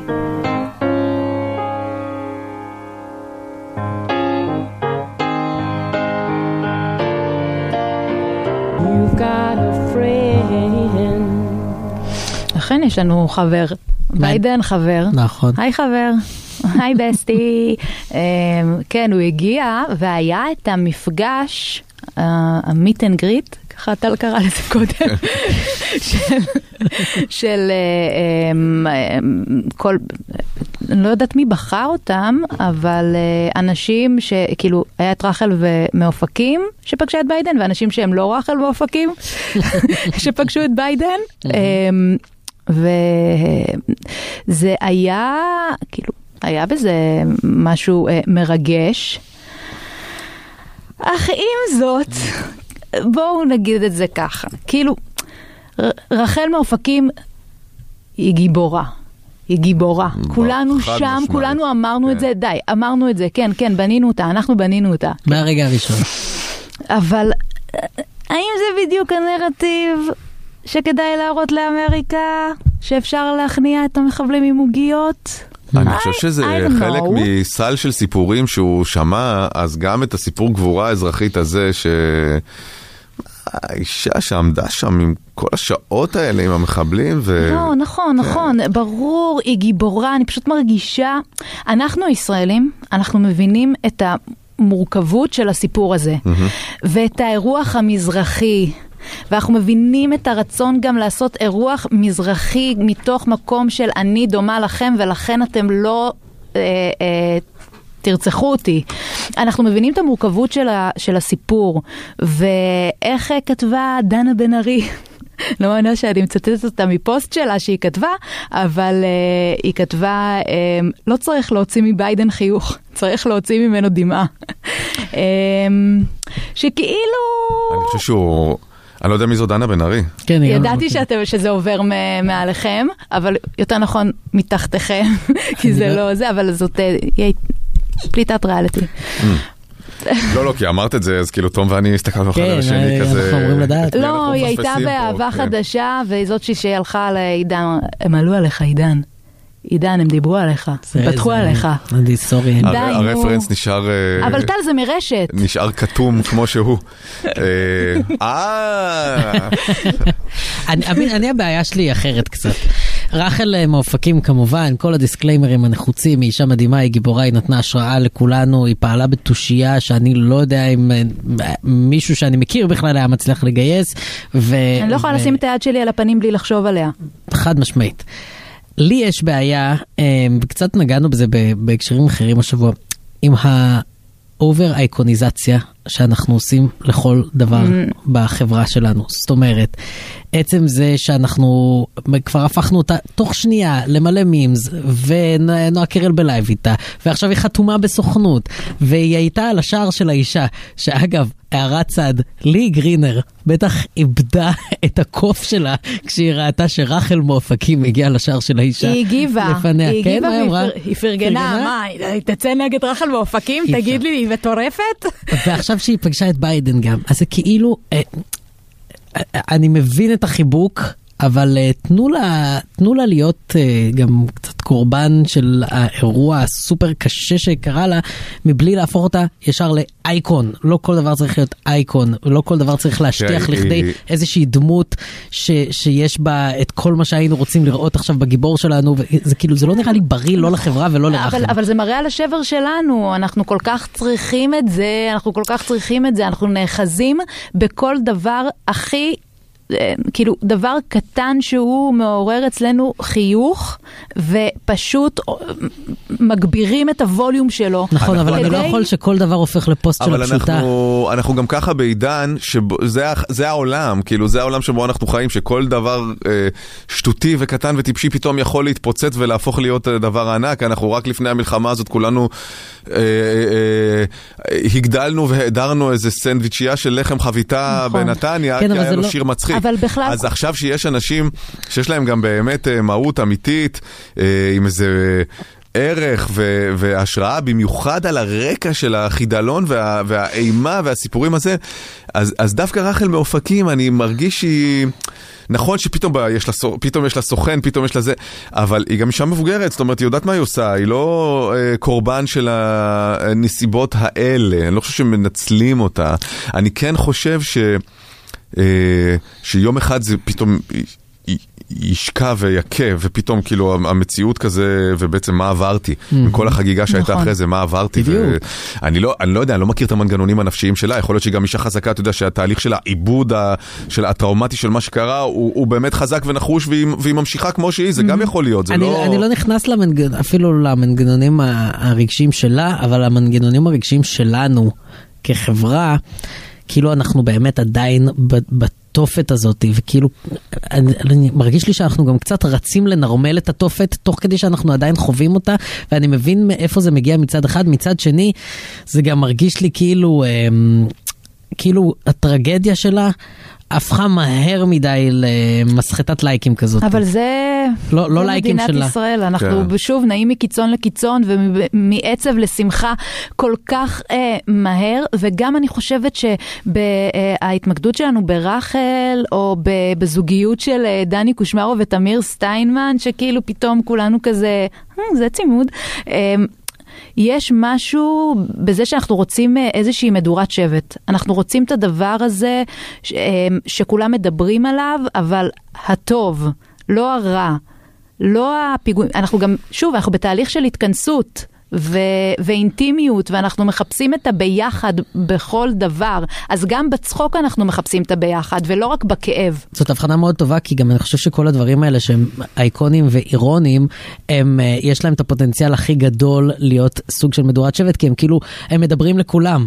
למתוחכמים זה כאילו השכבה של וואו, איך לקחנו את, ה- את, את האישה הזאת מאופקים והפכנו אותה לאייקון של ג'ן זי, וכאילו לדבר הכי חדשני, ועשינו ממנה מימס, ול, ולאנשים שהם כאילו לא בכאב ראש הזה, זה כאילו וואלה, אישה שעשתה דבר מדהים. זה כאילו הסיכוי היחיד שלנו להצליח לדבר לכולם זה במין שפה האירונית האיקונית הזאת, אבל זה כבר נראה קצת מתיש, זה אבל, קצת מעייף. אבל גם אה, אני לא מרגיש שזה... כי יש פה את הכל בסיפור הזה. יש פה גבורה, יש פה הישרדות, יש פה אה, שטח בתוך תופת, וכן, גם יש את הרובד הקומי. הרי, הרי אם זה לא היה עוגיות, וזה לא היה כאילו מין דמות כזאת שהיא... שהיא כאילו כ- כולנו מכירים כאלה במשפחה או חברים או, או הורים של זה, יש משהו כל כך כל כך, יש פה באמת זה סיפור עם כל המרכיבים וגם איזה מין אה, כאילו נונשלנטיות בתוך ה... של, של התנהלות בתוך האירוע וזה כן. יש איזה... זה, אה, זה הפתעה גם, זה הפתעה טובה. אה, מתן חלק לדעתי, הוא העלה איזשהו אה, משפט אה, ש- שלקוח מהכדורגל. כן. הופכים עליהם, טובים טובים אותם. אותם. אותם, כן. והוא אמר שזה בדיוק הסיפור של רחל. שכאילו אה, הופכים עליהם, אני לא יודעת, כי אני לא מהעולמות של הכדורגל, אבל אה, הופכים עליהם, זאת אומרת, אנחנו זה, זה נהפוך משפט עליהם את אה, התוצאה. הוא לא רווח, זה כאילו, זה, זה, זה, זה משפט שהוא מה זה לא רווח. אגב, מתן חלק... אה, זה מעולמו של חלק. שהוא, שהוא באמת כל כך כישרוני ומצחיק ו-. ו- וכותב בעיקר בטוויטר וגם הוציא ספר. אה, אז הוא, הוא הטביע את המשפט הזה. עכשיו, כמעט כל חובב כדורגל שאני מכיר לא הכיר את המשפט הזה. ואז, ו- אבל זה היה כאילו רגע כזה שאתה אומר, אה, אה, נו, אה, בטח. הופכים עליהם, טובים אותם. כן. ככה זה קורה לי כל, כל שיחה שלנו על כדורגל. ואז הוא אה, הסביר, הוא או מישהו אחר, שזה כאילו, נכון, יש את הרגע הזה שבמחצית אתם בפיגור, יוצאים לסיגריה בחוץ, ואז אומרים, מישהו אומר, "אה, הופכים עליהם, טובים אותם. ואז שהוא אמרו לו, לא, כאילו לא. כן, סליחה אדוני, למה התכוונת? אבל? זה אקסטרה גאונות. כן, כאילו כן, גם כן. לגרום למשפט שאין אותו. שכולם יחשבו שיש אותו. ו- אני ואז נפלתי שזה בזה. יהפוך להיות סיסמה. אני לא הכרתי ולא, יכול להיות שזה בבאר שבע, כאילו... לא, לא, הוא יותר, מספר, אה, יש עכשיו אה, קטע שלו אצל קובי מידן, זה, זה עלה בדיגיטל של כן, ראיתי. התאגיד, שהוא ממש מספר כאילו מה האוריג'ין סטורי של המשפט שמה הזה. הוא? זה מפגש עם אוהד ספציפי אחד. ספציפי שבור לגמרי במחצית. כן, והוא אמר לו, הופכים עליהם, טובים אותם, והוא אומר לו, סליחה אדוני, כן. למה אתה הוא הגיב אתה אומר?" בדיוק באותו אופן. כן, ואז הוא הסביר לו, הופכים עליהם, אנחנו נהפוך עליהם את התוצאה, למה? כי אנחנו... טובים אותם. טובים אותם, אנחנו יותר טובים. שזה הכישורים ש- שלנו יותר טובים. שיבושי עברית שהם אה, הם, הם מרגישים כאילו פתאום אבל נכונים כאלה. כן, אבל אה, לקובי מידן אגב, שהוא כן. אמר לו את זה, הוא התפוצץ לו המוח, כאילו, כזה, מה? אוקיי, שירה.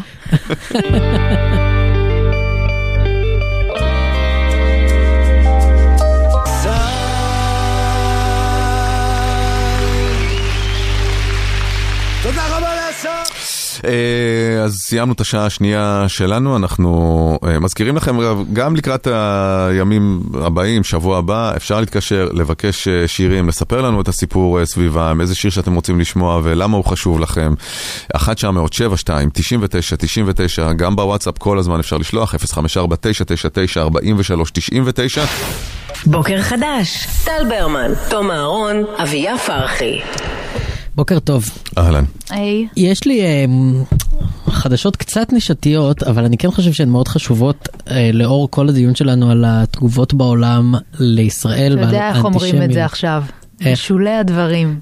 בשולי הדברים, נכון, נכון? כל אחד שרוצה לדבר על מה שבא לו, שם קודם בשולי הדברים, וזהו, אפשר אחרי זה גם לרוץ. אנחנו אמרנו ככה לפני כמה ימים, כי כאילו לא נעים לך לא נעים פתאום לך. להתעסק במשהו שהוא לא חשוב, אז אתה צריך לבסס. כולנו עכשיו עם המודעות שזה לא הדבר העיקרי, אבל בכל אופן נדבר עליו. שמעו, אני נודר שבליינאפ שרשום אצלי בדף זה תחת כותרת זוטות. זה עד אוי, כמה זה לא מתוק נעים לי. זוטות. זה, מודה שזה מתוק. בקיצור, יש אה, חברה אמריקאית, מתוק אך כרטיסני, כן? אני, אני גם כרטיסן קטן. אני חושב שכן. שניכם כרטיסן פה, אני נוסעת. אני עוברת אורח, לא יודעת מה אתם אתה רוצים. כרטיסן גדול, צריך לציין, יש הבדל ענק. אני לא אעיף מישהו מהרכבת על זה שאין לו כרטיס, אבל אני כן אשים לב. אתה חושב, אוקיי? אתה חו- נוח לך להגיד את זה כל- כרגע. כל בוא כרטיסן נראה גדול אותך. התחיל ככרטיסן בוא קטן. נראה אותך. בקיצור, יש חברה אמריקאית, קוראים לה A24.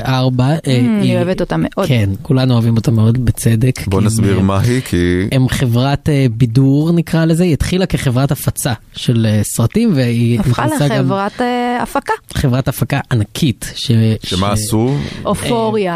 אה, אופוריה זה הפקת טלוויזיה הכי אה, מוכרת שלהם, אבל נגיד אה, אה, Everything Everywhere זה All at Once. זה הם אה, הפיצו. הפיצו, אה, Uncut Gems, שזה סרט אגב מעולה. של אדם סנדלר. אדם סנדלר, יש כן. אותו בנטפליקס מעולה. Moonlight, שזכה באוסקר, זה לדעתי גם הם הפיצו. את אה, Beef הם הפיקו.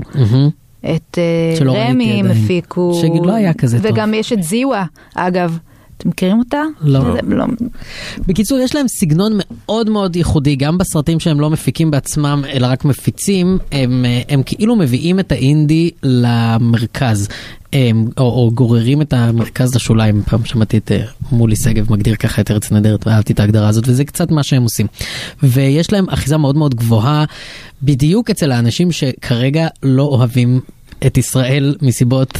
אה, נדבר על זה בטח עוד מעט, אבל די שטחיות ו- ומאכזבות. אני רק אגיד ש-A24 הם כאילו הדבר הנכון. בדיוק. הם הבית הפקה שהולך להביא את הבשורה. הם אה, האסתטיקה של הדברים שהם עושים, זה, זה, הם, הם כאילו עם היד על הדופק לגבי כן. כל מה שקורה, הם כבר גדלו עם, עם, עם הטיק טוק, אה, יש רפרורים לזה בכל התכנים שלהם, זה כאילו ברור שהם הדבר הנכון. הם גם משתלטים על. הוליווד, כאילו מבחינת לגמרי. נפח העבודה, הם ממש, כאילו הם כבר לא אינדי קטן וחסר משמעות בנוף, הם, הם ממש הופכים לענק. אני רואה שה-KP, זאת אומרת, הבעלים וזה, זה דניאל כץ. כן, כן, יהודונים גדולים. אה, כן, אוקיי, כן. סבבה. ו, ובאותו נושא, הם עכשיו אה, אה, מוציאים סרט שואה. הוא כבר הוקרן. בפסטיבל כאן ואפילו זכה שם בגרנד פרי, אני חושב, בפרס השני בחשיבותו. אה, והוא עומד לצאת בקרוב, וזה... זאת אומרת שהם עבדו עליו עוד לפני כל העניין. כן, עוד לפני השואה, הם עבדו עליו, כאילו. אמ, וזה מספר על משפחת הס, על המשפחה של רודולף הס. והסיבה שזה כל כך חשוב זה, כי אנ- כשאנחנו מדברים על אנטישמיות אה, חדשה, אנחנו מדברים על הרבה מאוד אנשים שגדלו בעולם שבו זכר השואה הוא התפייד. והוא מסופר בדרכים ישנות, אנשים בני 20 היום לא ישבו לראות את רשימת שינדלר. הם לא. כשרשימת שינדלר יצא הוא היה הדבר הכי רלוונטי והוא עשה אימפקט על ההורים שלהם. נכון. ועכשיו הגיע הזמן שגם אה, הוליווד הצעירה תתעסק בדברים האולטרה אולטרה אולטרה חשובים האלה. אז אה, זה, זה מאוד מרגש לדעת שכאילו זה, יש לזה, ואני מקווה ש, שזה באמת יזיז משהו בדעת הקהל אצל צעירים אמריקאים פרוגרסיביים, כי, כי זה בדיוק מי שאנחנו מאבדים ואנחנו מאוד מאוד צריכים. אתמול בדיוק היה סקר של, אה, שבחן את התמיכה בישראל והפלסטינים בארצות הברית. אז המספרים הם מובהקים בצורה כזאת שיש בגדול 65 אחוזי אה, תמיכה בישראל. אבל כשבוחנים לעומק רואים שאצל הדמוקרטים זה הרבה הרבה הרבה פחות, משהו כמו יחס של אחד לשתיים. 35 כן. מול 15 מתנגדים, 15 אחוז, 50 אחוז בכלל לא מעניין אותם, כן? כן, זה- זהו, צריך להגיד, כשאתה אומר זה לא מגיע 65, שזהו, זה לא ש-35 כן. מזדהים עם הפלסטינים. אצל הרפובליקנים זה 65% תמיכה ו-3% תמיכה בפלסטינים. אבל כשבוחנים את הפילוח של זה לפי גילאים, אה, רואים שהעיקר התמיכה בישראל היא אצל גילאי 65 פלוס. נכון.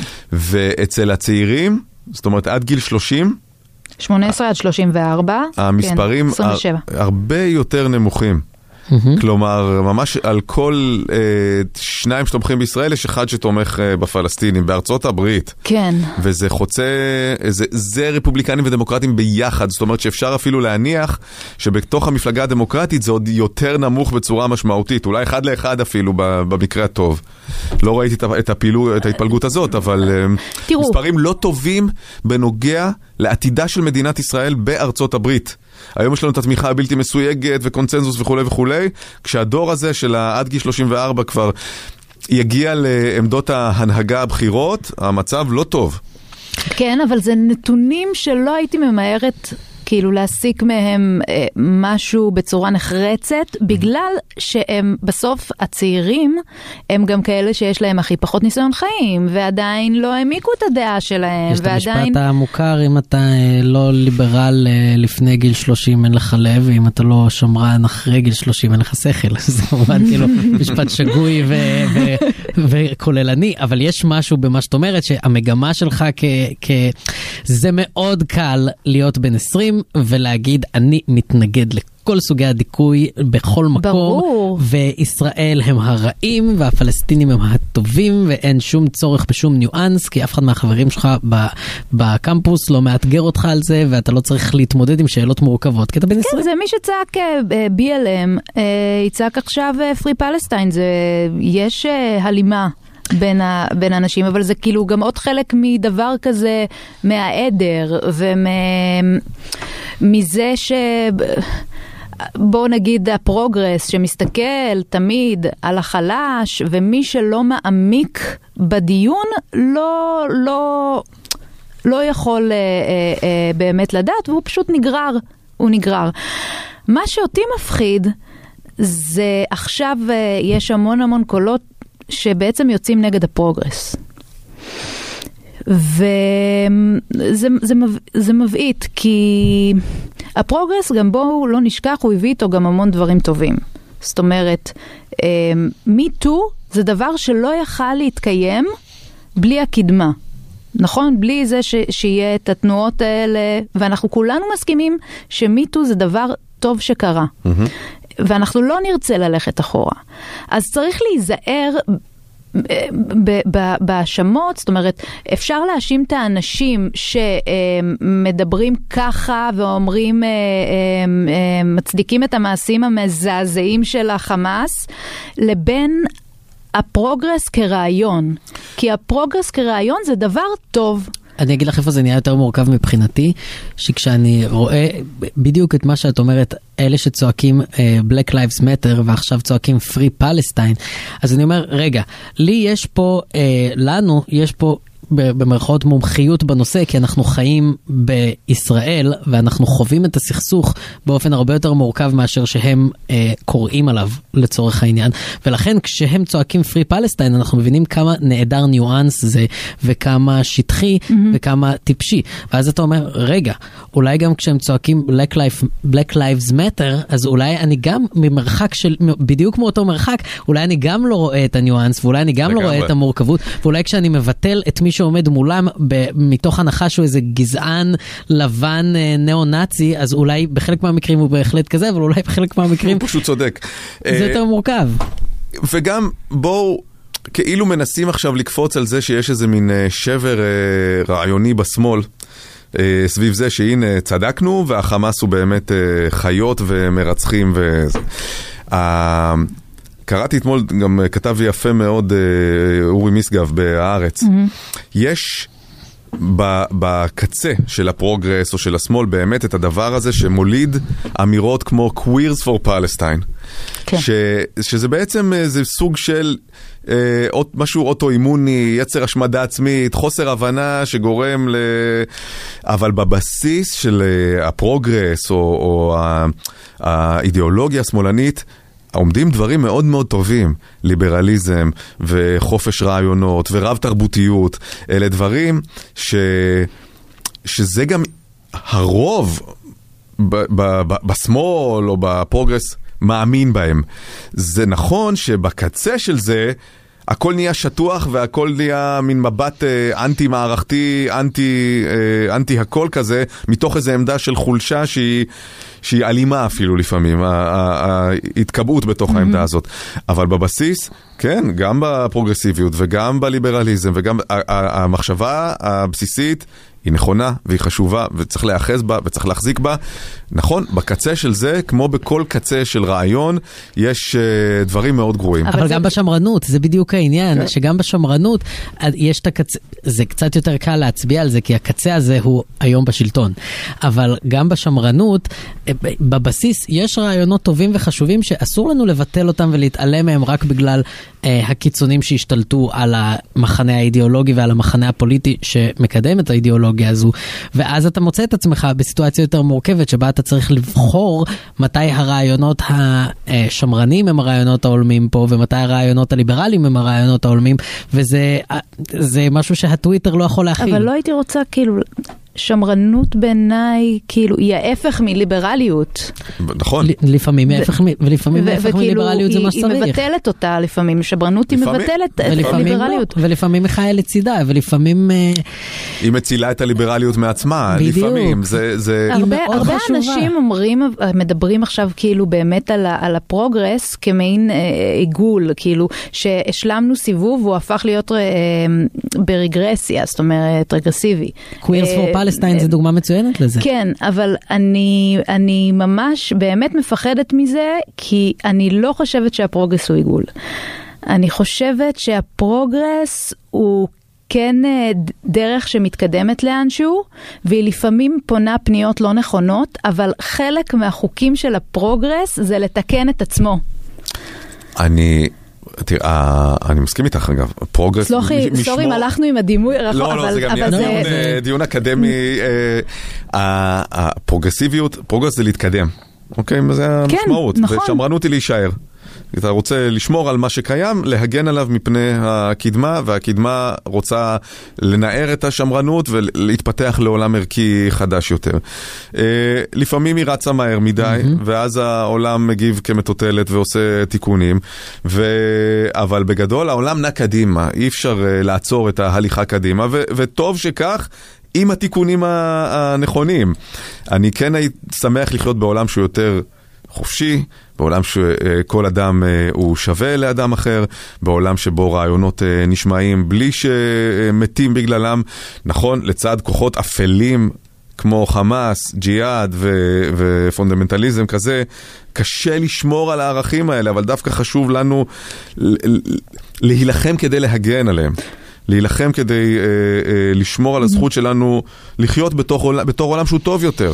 אני רוצה גם לדבר על להטב"קים. אה, צעירים בישראל, שתחשבו איך הפרוגרס, שבעצם אה, באמריקה, שהוא היה כמו חמצן, כמו אוויר לנשימה בשבילם, אוקיי? זה, זה, זה היה לחקות אותו ולהגיד, אוקיי, יש שפיות בחוץ, והוא מפנה להם עכשיו עורף. מהמם. העולם. העולם כן, מפנה להם נכון. עורף, וכל מה שהם הם נאחזו בו, כי, כי כאן, אה, כן, הממשלה גם הפנתה להם עורף. ואני אני ממש מקווה שביום שאחרי לא יהיה מי שינצל את האמירות כרגע על, על הפרוגרסיבים בארצות הברית אה, כנגדם. זאת אומרת להגיד, כן, הנה, אתם רואים את הרעיון הזה? מה זה קווירים? זה לא טוב לנו קווירים. קווירים זה דבר שהוא לא טוב, הוא לא יכול להתקיים.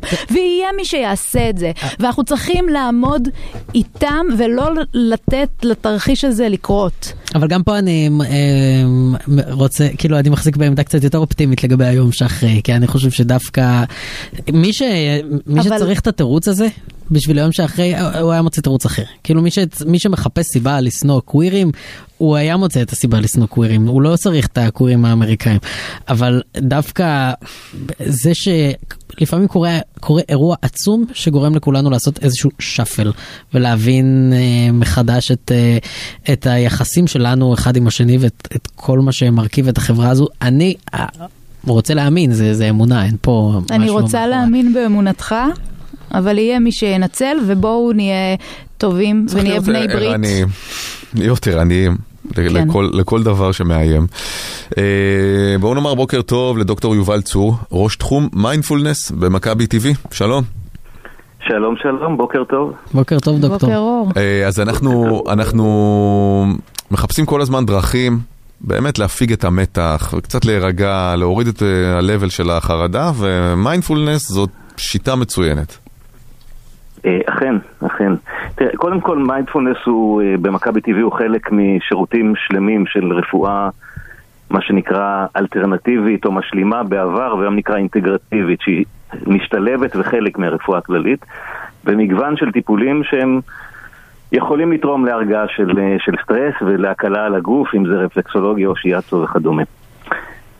היתרון של מיינדפולנס או הייחוד, הייחוד של מיינדפולנס זה שהוא הוא לא מטפל בבעיה, אלא הוא מטפל ביחס שלנו לבעיה, כלומר הוא טיפול משלים. הוא לא טיפול, הוא גישה שהיא משלימה לכל, ה, לכל הטיפול. אם אתה מטפל בכאב אה, באמצעות דיקור ובאמצעות זריקות וכדומה, במיינדפולנס אנחנו נעזור לטפל ביחס לכאב. וזה תורם ומאוד משפיע. עכשיו, איך זה רלוונטי למצב? שמעתי שדיברתם כרגע על ארצות הברית, אמריקה, המצב בדרום, המצב בצפון. לצערנו, אה, אנחנו, לנו כאנשים, גם לי וכנראה שגם לכם, למרות שאתם בתקשורת ומדברים ומשפיעים, יש לנו השפעה קטנה מאוד, אם בכלל, על המצב הכללי. וזה המצב, לא נוכל לשנות אותו. אנחנו כן יכולים איזה הורדה. לשנות אה, לא, אבל זה דווקא... אנחנו חווים את המצב, זה את האופן שבו הרמה. אנחנו כן. מתנהלים בתוך המצב הזה. ולטפח אצלנו איזון וחוסן אל מול המצב. וזה מה שעושה מיינדפולנס, ולכן הוא כלי רב ערך בימים האלה. אז איך עושים את זה? אמ, זה, זה בעצם דומה לאימון כושר. כאילו הייתי, היית שואל אותי עכשיו, איך, איך בונים שרירים חזקים? איך בונים שרירים חזקים? לא, אבל בכל אופן, קצת כלים, כי זה רגע, דבר רגע, ש- רגע, שילדים... מתאמנים, אוקיי? כן. מתאמנים, מפתחים את השריר. כן. והשריר שאנחנו בונים פה הוא שריר מנטלי, הוא יחס, הוא התייחסות לעולם. וההתייחסות היא, והיא לא פשוטה, היא קלה להבנה, אבל זה לא קל לביצוע, היא נוכחות קודם כל, נוכחות כאן ועכשיו, ברגע הזה. מה קורה עכשיו? לא החרדות והפחדים והחששות הם תמיד שם ואחר כך, הם לא כאן ועכשיו. אם אני חי את הכאן ועכשיו, אז, ה- אז המצב לא משתנה, אבל החשש שלי אה, קטן. והמרכיב השני הוא את המצב הזה ללמוד לקבל. לא, לא להילחם, לא להיאבק, לא לכעוס על המצב שהוא כזה. לא שהמצב הוא טוב, זה לא אומר שהוא טוב. זה רק אומר שאני יודע, המצב הוא לא טוב, אבל זה לא בשליטתי. ואני, אז אני חי עם זה כמו שזה. וזה מתחיל בדברים מאוד קטנים, כמו גירוד ברגל, כמו מישהו שעוקף אותי בפקק, או מישהו שאומר לי משהו לא נעים, וזה מגיע עד לבאמת יכולת לשאת ולהתמודד עם מצבים אה, כמו שאנחנו נמצאים איתם כיום. כן. אז, אז נגיד, כי אני יודע גם שמיינדפולנס זה דבר שעושים אותו בבתי ספר, ו, וזה ממש... אה, כן, ג- זה גיש- נכנס למיקוד. כן, לא למיקוד, זה לא סתם. בגרות, אבל סתם, זה סתם. שיעורים, ויש כאלה בבתי ספר, יסודיים, ולומדים את, ה- את וואו. הכלים. אז ככה, בוא תן לנו ככה את, את, ה- את המבוא, את הבסיס, כדי שגם אה, נוכל כן, להשתמש זה- בזה עכשיו. כן. כן, זו גישה ככה שבאמת היום אה, נפוצה ומגיעה להרבה מאוד מקומות, לארגונים ולבתי ספר, אפילו לבתי כלא. אה, וגם לאנשים אה, כמובן כמוני וכמוכם מן היישוב. אה, השיטה הכי פשוטה, או ההתחלה של התרגול, הוא פשוט להביא תשומת לב אל הנשימה. אל הנשימה. מהמם. כי ברגע שאנחנו מביאים את תשומת הלב אל הנשימה, קורים שני דברים. אחד, אנחנו, הנשימה, ואנחנו קצת מאטים את הנשימה ונושמים עמוק, אז הנשימה מרגיעה אותנו. הדבר השני הוא שאני מתחבר לכאן ועכשיו, הנשימה שלי היא תמיד כאן ועכשיו. זה יכול להיות גם חושים אחרים, גם המגע בכפות הרגליים גם עוזר. להרגיש את כפות הרגליים, להרגיש את הקרקע, הקרקע וגם את היציבות של הקרקע. להתחבר למשהו שהוא כאן ועכשיו, שהנשימה היא עוגן מאוד אה, נוח, גם כפות הרגליים.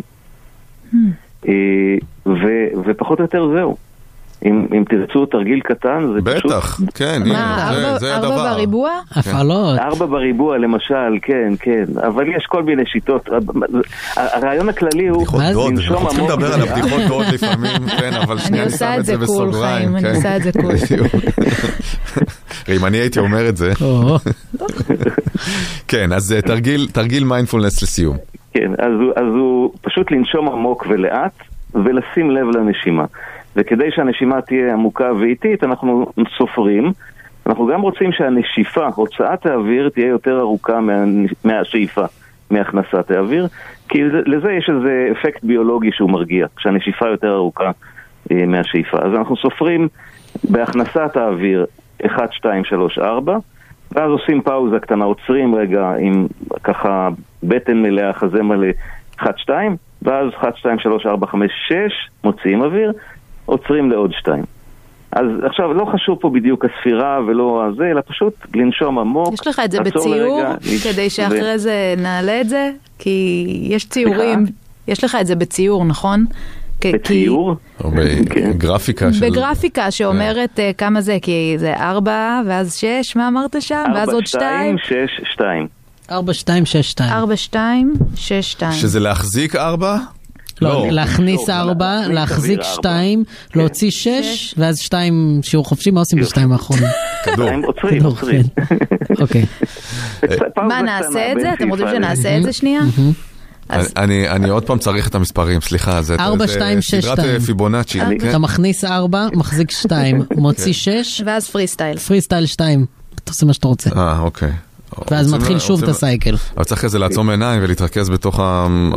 נכון? צריך. לעצום- לא חייבים לא לעצום חייבים עיניים. אה, אז הנה, בוא ניקח ארבע. אז תספור לנו אתה, אדוני. העיניים אה, יוצרת איזה קושי. לא חייבים לעצום עיניים, אה, אבל להתרכז, להתרכז, כן. בנשימה עצמה. אוקיי, אתם אז אנחנו מתחיל. תגידו, כן, יאללה. אני יכול לה- להתחיל. אז כן. קחו רגע נשימה עמוקה ונשיפה, ועכשיו נתחיל, ונכניס אוויר, שתיים, שלוש, ארבע, נעצור, שתיים, נוציא אוויר, שלוש, ארבע, חמש, שש, נעצור, שתיים. נכניס אוויר, שתיים, שלוש, ארבע, נעצור, שתיים, נוציא אוויר, שתיים, שלוש, ארבע, חמש, שש, עצור, שתיים.